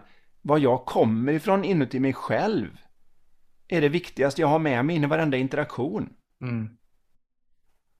Och då kanske jag behöver börja bli lite medveten innan man går in i ett mötesrum eller till mina nära och kära. Att jag åtminstone bara stannar upp och efter ett tag, om man har gjort det länge, som du säkert har märkt som mediterar mycket, att ibland behöver du inte hela meditationspasset. Det räcker bara att du sätter ner och tänker att du ska meditera så kommer lugnet. Mm. Kroppen vet liksom, vet hur den ska lugna ner sig utan tekniken nu. Ja. Så på samma sätt kan det vara att man bara tar ett par sekunder och säger just det, vad som än ska möta mig innanför den där dörren nu. Så hanterar jag det bäst om jag är lite mer... Mm. Och den lilla medvetenheten tar, gör så att molnen blir genomskinliga. Och sen kan jag komma in i kaoset hemma och kanske skratta lite åt sockan på golvet istället för att tycka att det är en skilsmässorsak. Precis. Så det är inte att jag ska, som mormor sa en gång i tiden, det är inte hur man har det, det är hur man tar det. Nej, det, det är ett steg för sent, förstår du? För om jag väl är på, inte har gjort den där medvetna mentala klarheten, då är det för sent att försöka få det att verka bra eller göra, om livet ger dig citroner är det dags att göra lemonad. Mm. Det, det, det är för sent då. Det, det, är en, det är en mental stans från vilken jag kommer inuti mig som avgör hur jag tolkar. In, du kan inte tolka om senare, det, det, det, är för sent då. Då har tåget redan lämnat stationen. Ja.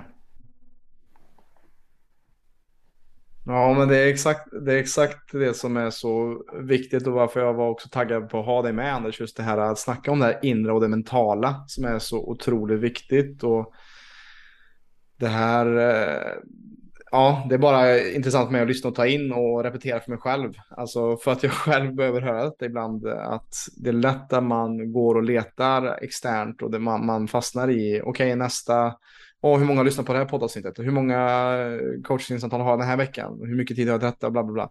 Att man går, går lätt bort sig i extern validering och så vidare. Och min nästa fråga, Anders, är eh, ett av vårt första avsnitt på PS-podden hette Ta tillbaka din egna inre auktoritet. Och, och jag läste ja. på din hemsida så skrev du Um, du kan inte leda andra om du inte leder dig själv. Alltså där, du jobbar med ledarskap. Men jag vill också prata med dig också just uh, som vi ser också på PC att för att ta kontroll över ditt liv så måste du själv bli din egen auktoritet och lyssna på dig själv och hitta din egna inre röst. Vad innebär det för dig med självledarskap och det här citatet att du kan inte leda andra om du inte leder dig själv? Ja, en del är det vi redan har pratat om, att man är medveten om att det som påverkar både mig själv och andra mest är varifrån jag kommer. Mm. Så att nästan ingenting är så hjälpande för någon som är ur balans som närvaron av någon som är i balans.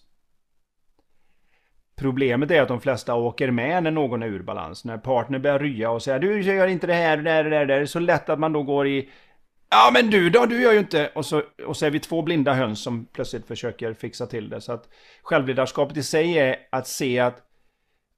Att checka inåt och se lite grann var jag befinner mig. Kanske en, en bra metafor för det. Jag var på Mediamarkt och köpte något extra minne till eh, Playstation åt sönerna. Och så när jag klev ut så precis efter kassan stod det någon vit apparat med en, ett rött och ett gult och ett grönt ansikte där. Och grönt smiley och röd arg och gul neutral på något vis. Och skulle jag då genom en knapptryckning ratea hur jag upplevde min, mitt besök och köp i, i affären. Mm. Och för mig då som är lite yrkesskadad så tänkte jag bara den här står ju på fel ställe. Den ska inte stå när man går ut, den ska stå när jag går in. Ja, just det. Är du med? För det är redan för sent nu. Om jag gick in och var sur så kommer, oavsett hur trevliga de är inne, så kommer jag säga var inte så jävla på. Håll inte på att stö mig här. Är du med? Så, ja, det är så, väldigt sant faktiskt.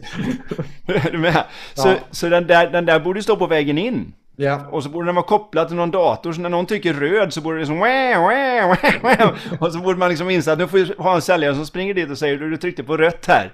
Mm. Och vi vet ju det att när du kommer in här så kommer ju allt se lite fel ut.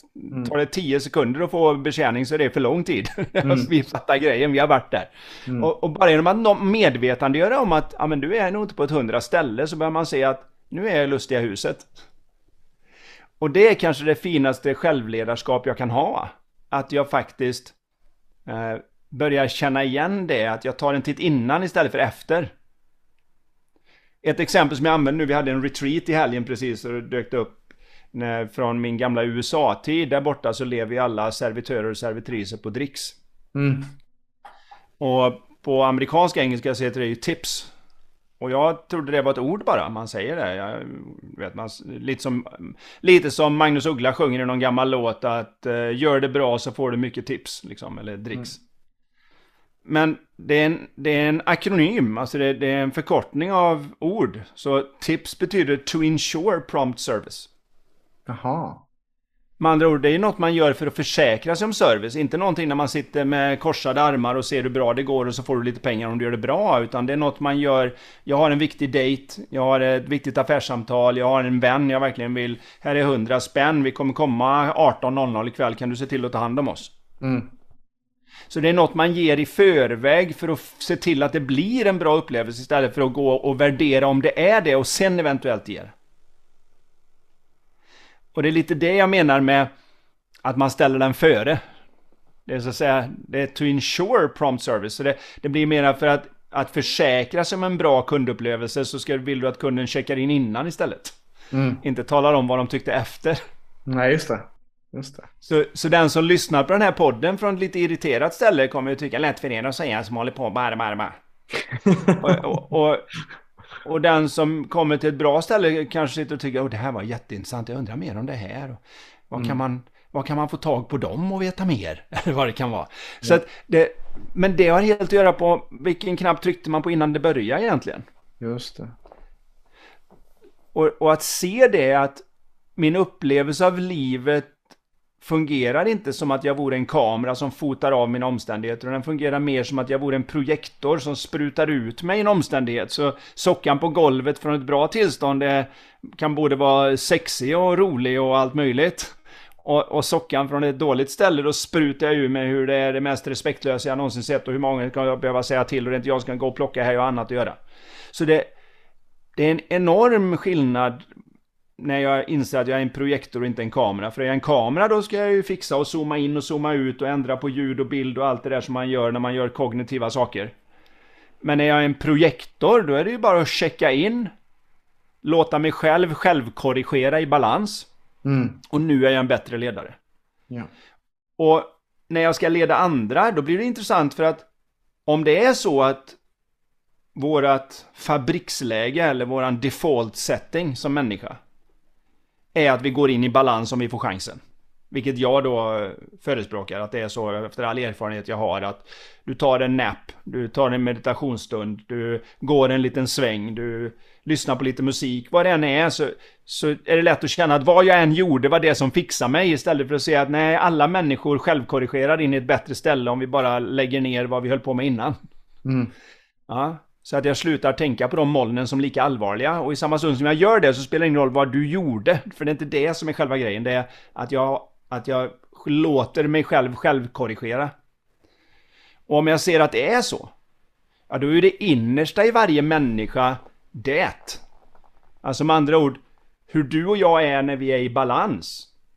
Om jag tog min Apple Watch som jag har på mig här och kunde koppla den till mitt nervsystem så att den kunde då lysa som den där Mediamarkt-grejen.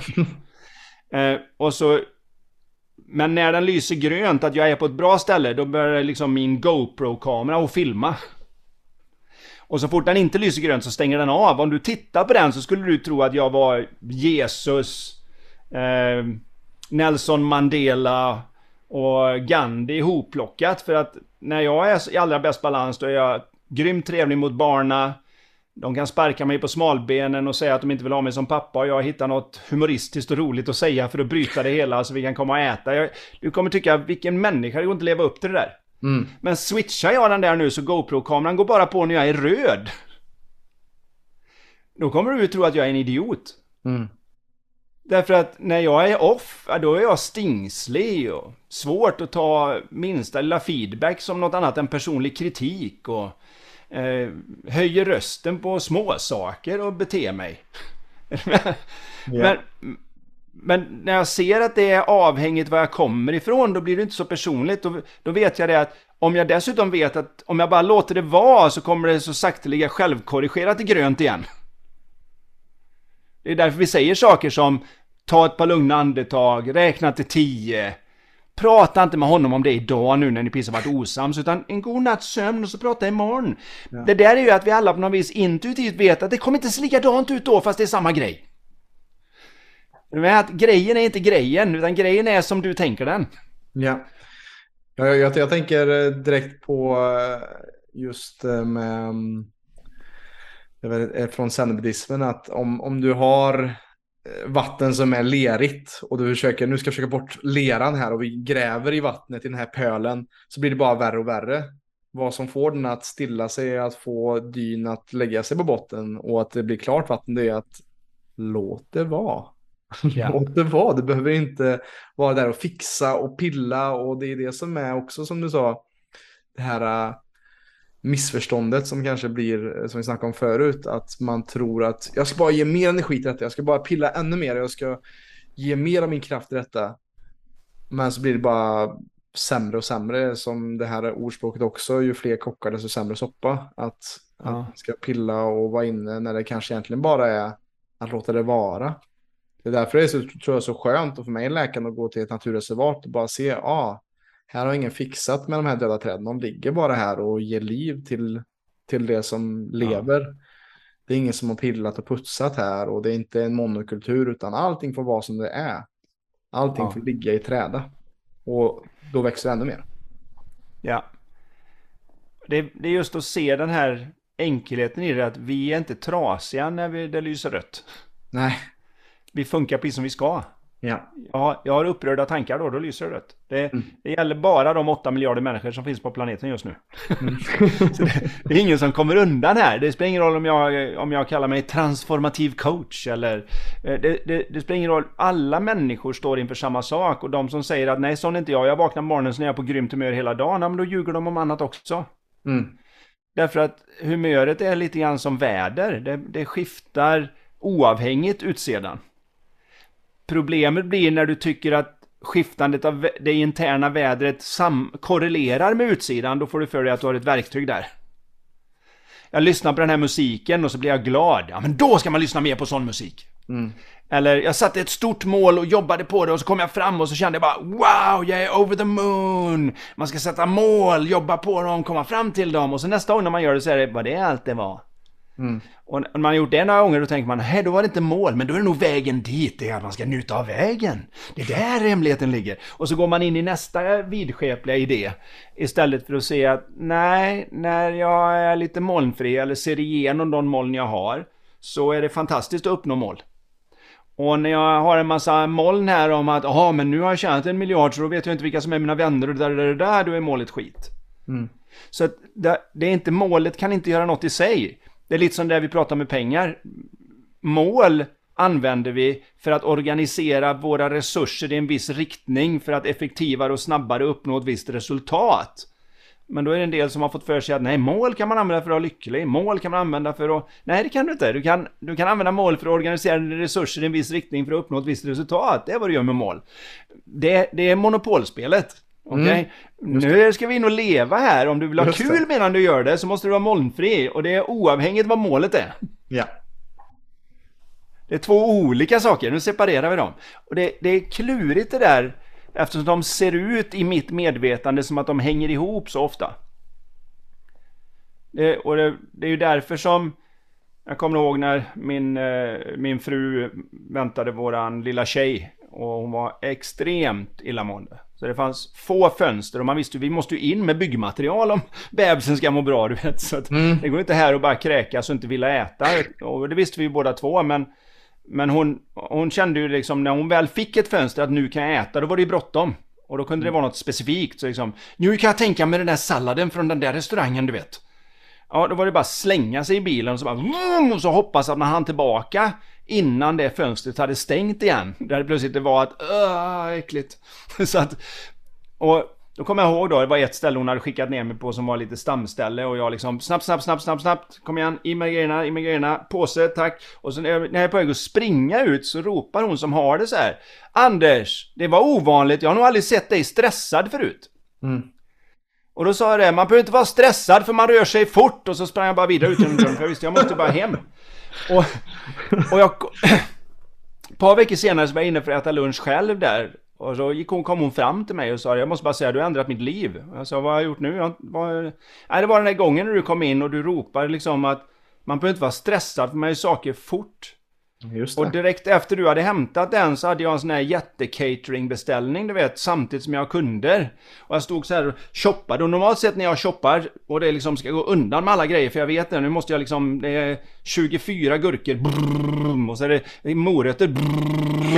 Och det här måste liksom gå undan och så ska jag ta kunder emellan. Då är ju liksom hjärtat i halsgropen och jag har ju blodtryck som förmodligen inte är hälsosamt. Men efter du sa det så stod jag där och högg och det bara Chop, chop, chop, chop, chop, chop, chop, chop. Gjorde lika fort, om inte snabbare till och med, men jag var lugn på insidan. Och så, jag vet inte vad det var med att du skrek till där som gjorde att de två klipptes av ifrån varandra. Mm. Så nu kan jag göra saker fort utan att bli upphetsad av det, så att säga. Alltså, det, det är jättesvårt. Många har svårt med de grejerna. Det, men de sitter ihop så att man tror så fort någon liksom har lite bråttom att de är stressade. Man säger mm. värst vad du var stressad. Mm. Nej, jag, behöver, jag kan inte bara gå om jag ska komma i tid. Så jag var tvungen att jogga för att komma i tid. Men det var allt. Jag behöver inte vara stressad. Nej, precis. Så, de, men de är svårseparerade lite grann som många chefer, om vi pratar ledarskap igen då, de har svårt att separera att vara tydlig från att vara hård. Just det. Det är en upplevelse jag har. Så de tycker att de har sagt en sak lugnt, metodiskt, vettigt, pedagogiskt, men det går inte fram. Då är det gärna att de, nu, nu har jag sagt det här va? Och så blir det, nu ska jag vara extra tydlig med att så det inte är några missförstånd, det är vad de egentligen vill göra. Men det kommer ut hårt och det enda de andra hör är åh nu är de arga på oss igen så nu hör jag inte vad han säger. Jag är för upptagen med att skydda mig känslomässigt. Ja.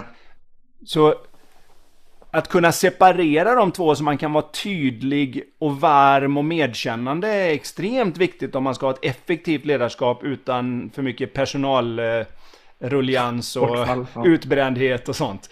Så, så, så behövs det att jag förstår som ledare att, att det är så det funkar och återigen då om det nu är så att vi innerst inne är den vi är när vi är i balans. Alltså med andra ord, jag är den filmen som den gröna filmen. Om det är den jag är, då är ju ledarens uppgift att skapa möjligheter för en person att vara i mental balans och ha ett gott välmående på jobbet och sen löser sig det andra. Mm. Om jag är den som jag är när jag är röd, som i stort sett stat och kyrka har tutats i oss i ett par hundra år, att du är lite eländig innerst inne och lat och allt möjligt om vi inte gör något. Ja, då är ju det självklart om jag har den premissen som ledare, då behöver jag incentivera och belöna. Mm. Och jag behöver st- mikrostyra och bestraffa. Ja. Eller ge rimliga konsekvenser som det heter för att det ska låta bättre. Men det, det, det är egentligen fortfarande piska och morot jag jobbar med i det läget eftersom om jag bara lät dig vara så skulle du vara lat och göra minsta möjliga. Mm. Men om du är som barnen har facit på, då är det ju tvärtom som Google har upptäckt. Låt dem ha lite egentid och 20% och nästan alla våra pengar kommer från när de inte försöker jobba vanligt. Ja. Så, för då ser man att, ah just det, du är som bäst när du är trygg, i balans och välmående. Mm. Och jag brukar säga det till idrottare ibland, att vi måste reda ut en sak ganska tidigt och det är det här. Vad du än tror så är det så här, det finns inget du kan göra pressad, stressad och orolig som du inte hade gjort bättre, mentalt klar, välmående och i balans. Mm. Det finns inget där. Nej. Och man, det håller jag med om. Ja, men det är inte så du beter dig. Du beter dig som att nu är det ett avgörande skott och då är det liksom Kom igen nu! Nu sitter mamma och pappa där och det är massa folk som tittar på och så är det sponsorkontrakt. Kom igen nu, nu kan du göra det här! Du kan det, du kan det, du kan det! Eh, Ja, hela den upphetsningen antyder ju att Nej, jag tror att jag kan göra det bättre med en viss mängd av press. Precis. Istället för att säga att nej, nej, nej, om jag och gör det så kommer det vara en löjligt mycket högre grad att jag sätter straffkastet, sätter straffen, springer fortare. Därför från det stället funkar jag bäst. Då är jag så att säga grön på min Apple Watch, eller vad man ska säga. I, Ja, men att hitta den här äh, alerta avslappningen som du säger när du sprang där med din, din mat där som fick henne att få en helt komplett eh, skiftning i hennes tankesätt. Det är otroligt viktigt att inse och jag, det har jag tänkt också i, i sommar. Jag har jobbat kanske uppemot, vi har jobbat två jobb samtidigt och då har det blivit liksom ibland 10, 14, 15 timmars arbetsdagar där man inte har så mycket tid för rast men det är väldigt kul och, och och högt tempo. Men så länge jag har kvar min andetag och min närvaro så går det att göra dag efter dag. Eh, inte kanske för länge, men under en period i alla fall. Och jag är också intresserad Anders, vad, vad känner du själv då med, med det vi har pratat om? Vad, vad har du själv för saker som håller dig lugn? Kanske principer hur du startar din dag eller vad, vad ser du man kan göra för att kultivera mer lugn och komma mer till det här gröna GoPro-läget om man säger. Den viktigaste är att se att det är jag vet inte om man kan göra det här via det här mediet där man inte har så att säga bild till eh, för den som lyssnar kanske. Men om ni är en viss generation eller även om ni kanske är tidigare generation så kanske ni har sett en sån här leksak som är rund i botten och är tung där nere så att när man pötter på den så ställer den sig upp hela tiden. Mm. Så att, och den var irriterande när man var liten för allt annat man pötte ner det stannar ju nere. Mm. Så den kunde man ju sitta med ett tag så här och tyckte varför kommer den upp hela tiden? Eller det var någon sån här fågel som stod och doppade nosen i och så kom den upp igen och så höll den på sådär av sig själv nästan. Och att förstå att den mänskliga själen fungerar så. Att den så att säga vill upp i det där läget, det är så att säga grundläget. Och att när det känns som vi studsar omkring där nere och bunkar huvudet mot golvet eller dunkar ner i vattnet som den här andra leksaken. Då är det lätt när det är oss själva eller någon annan att vi springer fram och pötter på den. Så vi tycker, men kom igen nu, upp med dig, upp med dig. Ta det lugnt, vad gör det här om hundra år? Bara lugna ner dig lite, kom igen nu, ta på djupa andetag, räkna till tio, gör något, gör något, gör något. Och det, det faktum att vi håller på så är det som gör att vi håller oss kvar. Mm. Det blir återigen, vi går in i duschen för att torka av oss. Ja. Så när vi ser att, nej, nej, nej, om jag bara väntar lite grann så är det som ett skiftande väder. Då kommer den, den kommer, jag kommer upp igen. Den kommer, att, den kommer, den kommer ställa sig i grundläget. Och faktum är att den inte ens har lämnat grundläggande utan det är imaginära tankeleksaker som håller på och bunkar omkring här. Men den där andra, den står i balans hela tiden och när jag slutar upp med de här imaginära så ser jag att oj, där står den ju, jag har varit sån hela tiden. Nu, nu ser jag plötsligt klart, jag förstår inte varför jag gjorde så stor sak av det lilla. Jag fattar inte hur jag ens kunde tänka att jag skulle köpa den jackan. Jag förstår inte ens hur jag trodde jag skulle skicka det mejlet. Eller plötsligt vet jag nu precis var soffan ska stå hemma som jag har grunnat på så länge. Eller nu vet jag vem jag ska ringa för att få det här projektet i land. Det händer alltid precis i det läget. Vi får djupa tankar från det blå när vi, när vi har den. Så min egen, min egen grej är inte så mycket att ha rutiner och annat utan det är mera just att att jag har en form av påminnelse om att just det, det är så det funkar. Så jag behöver inte fixa mig själv eller jag behöver inte skruva på mig själv. Jag är ingen trasig bil som behöver hjälp med förgasaren liksom. Mm. Utan jag funkar som jag ska men jag har tillfälligt gått på min egen tankebluff. Och, och, det är ett mycket lättare jobb för det innebär att jag behöver bara skingra molnen, jag behöver inte tända min sol. Och tända en sol är ett jättejobb. Att se igenom molnen eller skingra molnen är åtminstone görbart på något vis. Ja, exakt. Så det, det blir lite som om jag höll ett ekollon i handen. Alltså det är ju jättesvårt att titta på ett ekollon och se hela eken. Mm. Men den är ju där i. Ja. Om jag bara stoppar ner den i marken på ett ställe som är tillräckligt soligt och fuktigt. Så sköter naturen om att göra en ek.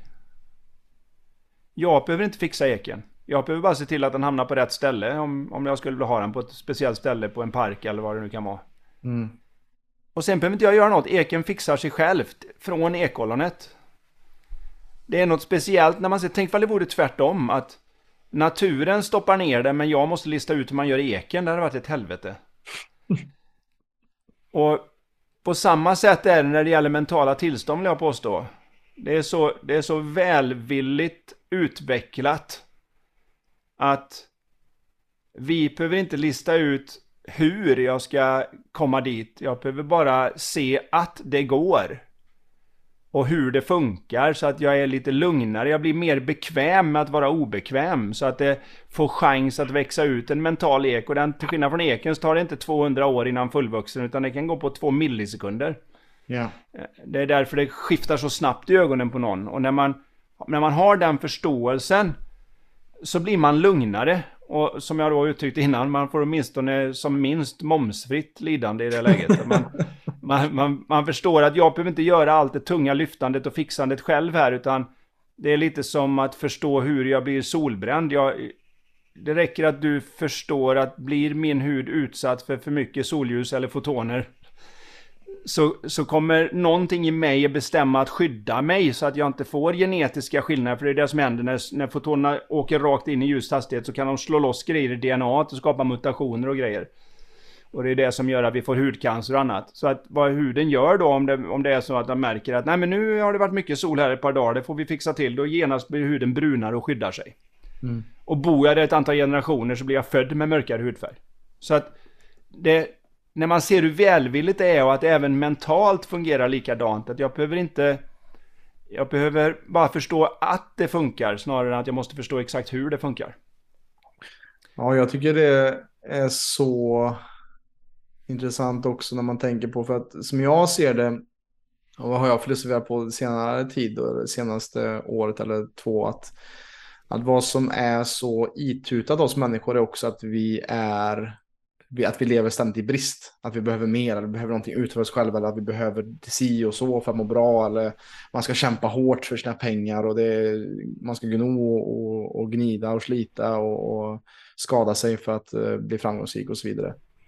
Och det som du säger här är ju liksom dess motpol, överflöd. Att när vi inser att vi är födda med ett otroligt rikt överflöd och att alla som lyssnar just nu, även fast du upplever att i ditt liv kanske du inte har allting som du vill ha på ett materiellt plan, så kan du lyssna på det här kognitivt, så har du allt i denna stund som du behöver för att leva i överflöd. Du har ett rikt andetag som leder dig framåt.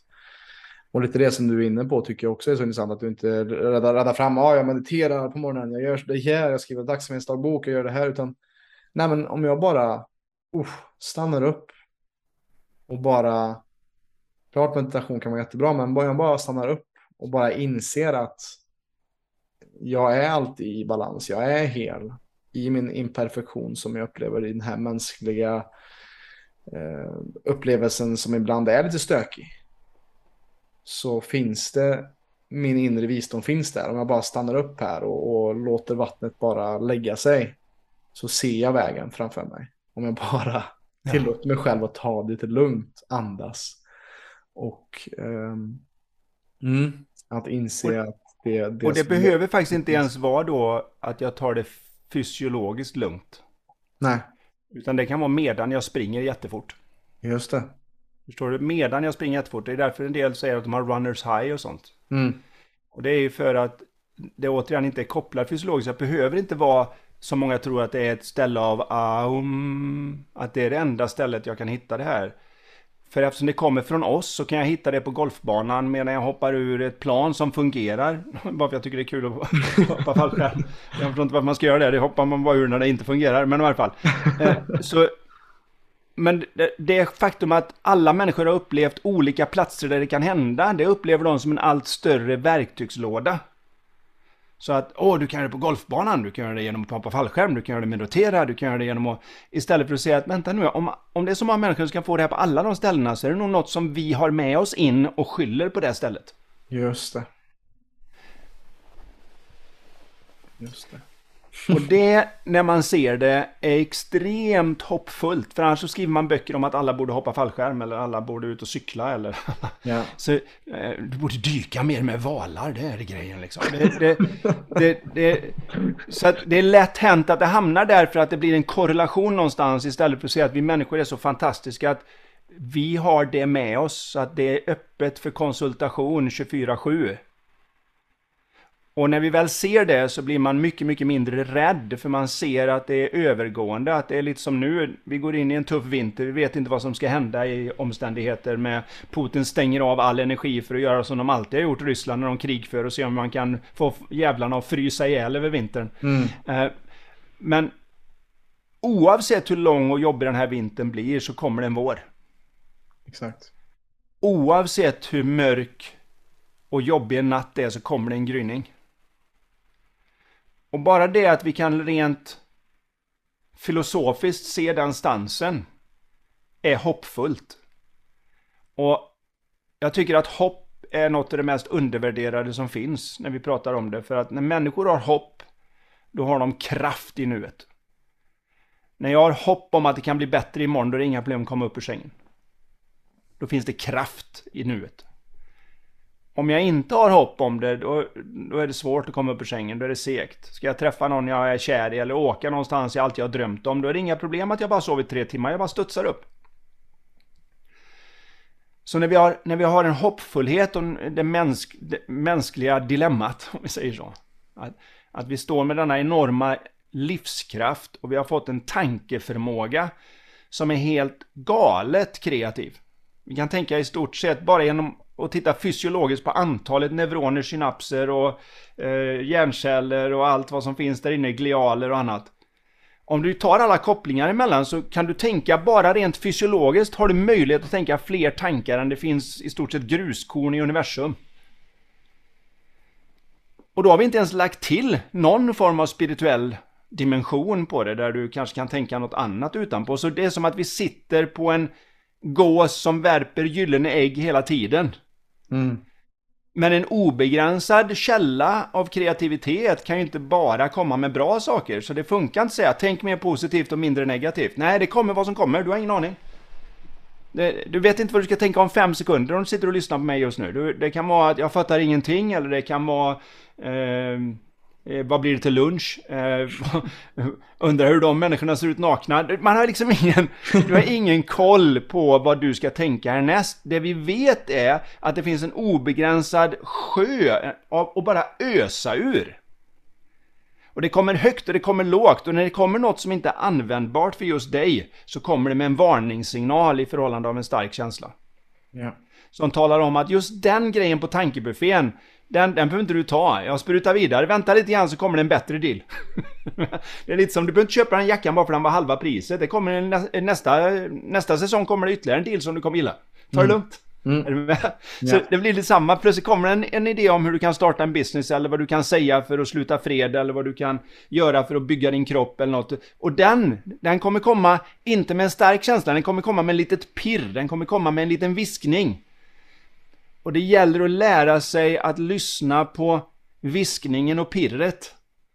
Snarare än att lyssna på skriket och den där överväldigande känslan som är så lätt att lyssna på istället. Mm. För det är viskningen som efteråt när du lyssnar på skriket kommer säga Visste det? Exakt. Ja, och det kommer så... tillbaka till att, att hitta det här lugnet. Att hitta, att hitta det här lugnet oavsett vad det är man gör, som du sa, om man hoppar fallskärm eller, eller om man springer eller vad det nu kan vara, eller mediterar. Och, och jag älskar det du sa där med att, att just det här med hopp och att det kommer komma en ny vår. Oavsett vad som väntar metaforiskt eller nu också i våra årstider här också. Att det kanske blir en tuff ekonomisk eh, vinter eh, för många och för hela samhället i stort. Men att det, det finns hopp och så länge vi har hopp så finns det också tro på en bättre framtid. Och, och kraft att göra något med det. Ja, precis. Exakt. Att inte, att inte landa i, en, i ett hav av hopplöshet. Och jag vill vara medveten om vår tid. Den börjar lida mot sitt slut, tyvärr. Anders, jag tror att vi kan prata hur länge som helst. Men dock vill jag ha en till fråga innan vi börjar så sakteliga runda av. Den här podden handlar om att förändra Sveriges syn på hälsa. Och vi utgår ju från sex grundprinciper. Sömn, andning, kost, träning, vätskeintag och tankesätt. Och det är därför jag vill ta med dig här i, idag just med kring tankesätt. Så med, med det vi har pratat om Anders, det här inre jobbet och det mentala. Hur ser du att vi skulle kunna förändra Sveriges syn på hälsa? Nu är det kanske lite svårt att, att, att förkorta detta, men, men vad, vad ser du där? Det kanske får bli nästa avsnitt också, att, att gå ja. in djupare på detta. Men, djupare men. men, vad ser du att vi skulle kunna göra? Det första jag vill att de flesta inser är att eftersom vi människor har en begränsad tid än så länge om vi inte kommer på något piller eller något som gör att vi får leva längre. Mm så har vi också en tendens att ibland ta ett för kort förhållningssätt till problemen. Vad kan du och jag göra för att lösa det så det är bra i Sverige omedelbums? Istället för att kanske säga som, om vi tittar historiskt, så är det mer att vi får stå på Copernicus axlar och slippa oroas för att det blir mörkt. Mm. Vi får stå på Einsteins axlar och vad det nu igen innebär, både gott och ont med teknologi och kvantmekanik och Niels Bohr och alla möjliga.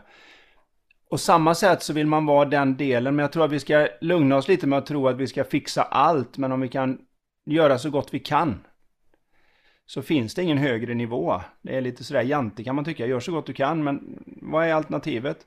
Så mm. det viktiga är att vi hjälper människor, ett genom att då inspirera och hoppas och två genom att man utbildar så att det blir en högre förståelse för att vi människor fungerar som vi ska, men vi har oskyldiga missförstånd om hur det egentligen funkar. Så att ganska ofta när vi sätter in våran bästa lösning så är det det som håller problemet på plats.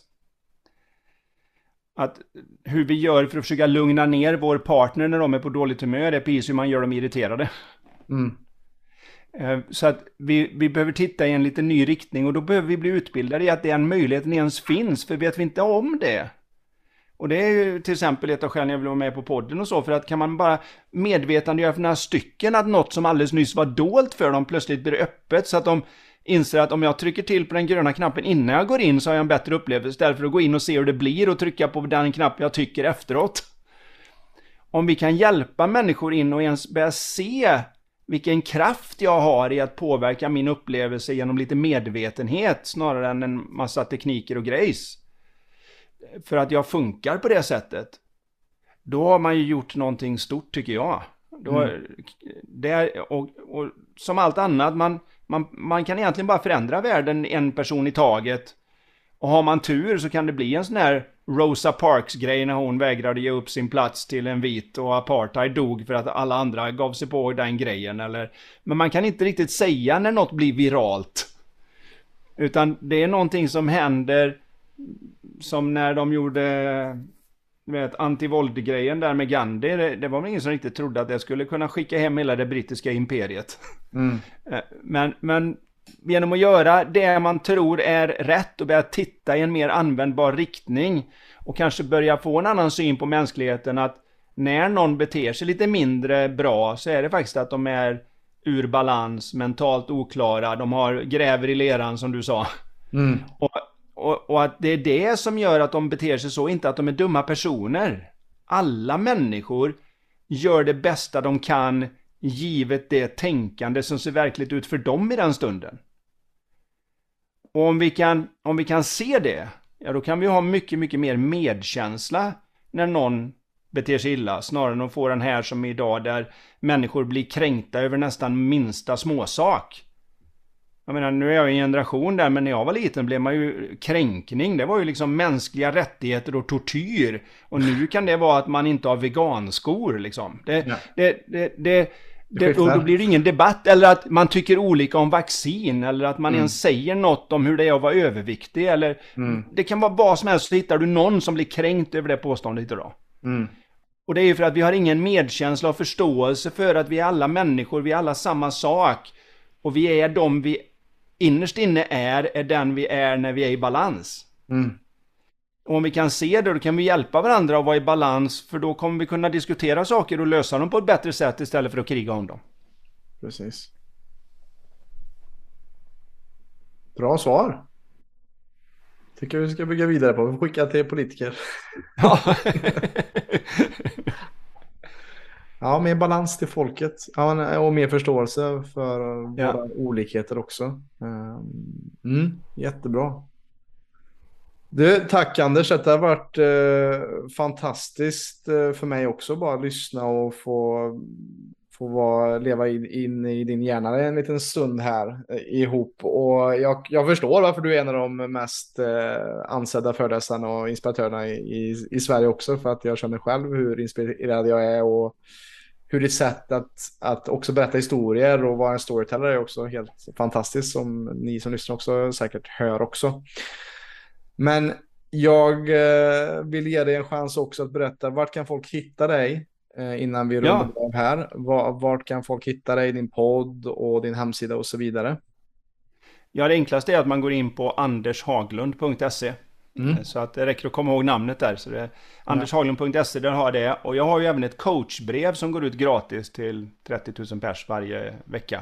Mm. Där jag försöker dela med mig av någon sån här tanke i ungefär ett A4-format. Och för de som inte orkar läsa eller kan läsa så finns det även en knapp att trycka på så att man kan lyssna. För jag eh, spelar in det också. Mm. Så att det är enkelt på båda sätt. Och sen har jag då både seminarier, event och jag kommer ut på företagen för att göra den här typen av utbildningar där man hjälper människor. För människor som är i balans har lätt att samarbeta och människor som är ur balans har väldigt svårt att samarbeta. Mm. Eh, och, och, jag har då personlig coaching där det är ett lite längre åtagande till nytt liv. Ja. Så allt det finns men allt är på andershaglund.se. Ja, Jättebra. Kanon, stort tack för din tid här i PLC-podden och som vanligt för er som lyssnar har det varit intressant, har det varit spännande, har det varit inspirerande. För all del, dela med dig av det här avsnittet så att vi med stadig, rask takt kan förändra Sveriges syn på hälsa. Tack för idag Anders och Ja, jag tror tack att det är själv. på återseende. det vore kul tycker jag. ja, Tack. ta hand om dig. Samma. Stort tack för att du har lyssnat på detta avsnittet av PLC-podden. Om du som lyssnare är intresserad av att få bättre balans på din kropp och hälsa så kan du gå in på www.plclub.se. Där kan du göra en gratis hälsoundersökning och läsa mer om hur vi hjälper människor på ett holistiskt sätt att skapa mer energi, få igång förbränningen och minska värk. Alltså www.plclub.se. Vi finns även på Instagram, YouTube, Spotify och Facebook at Premium Lifestyle Club om du vill ta del av mer gratis material. Stort tack för din tid här med oss.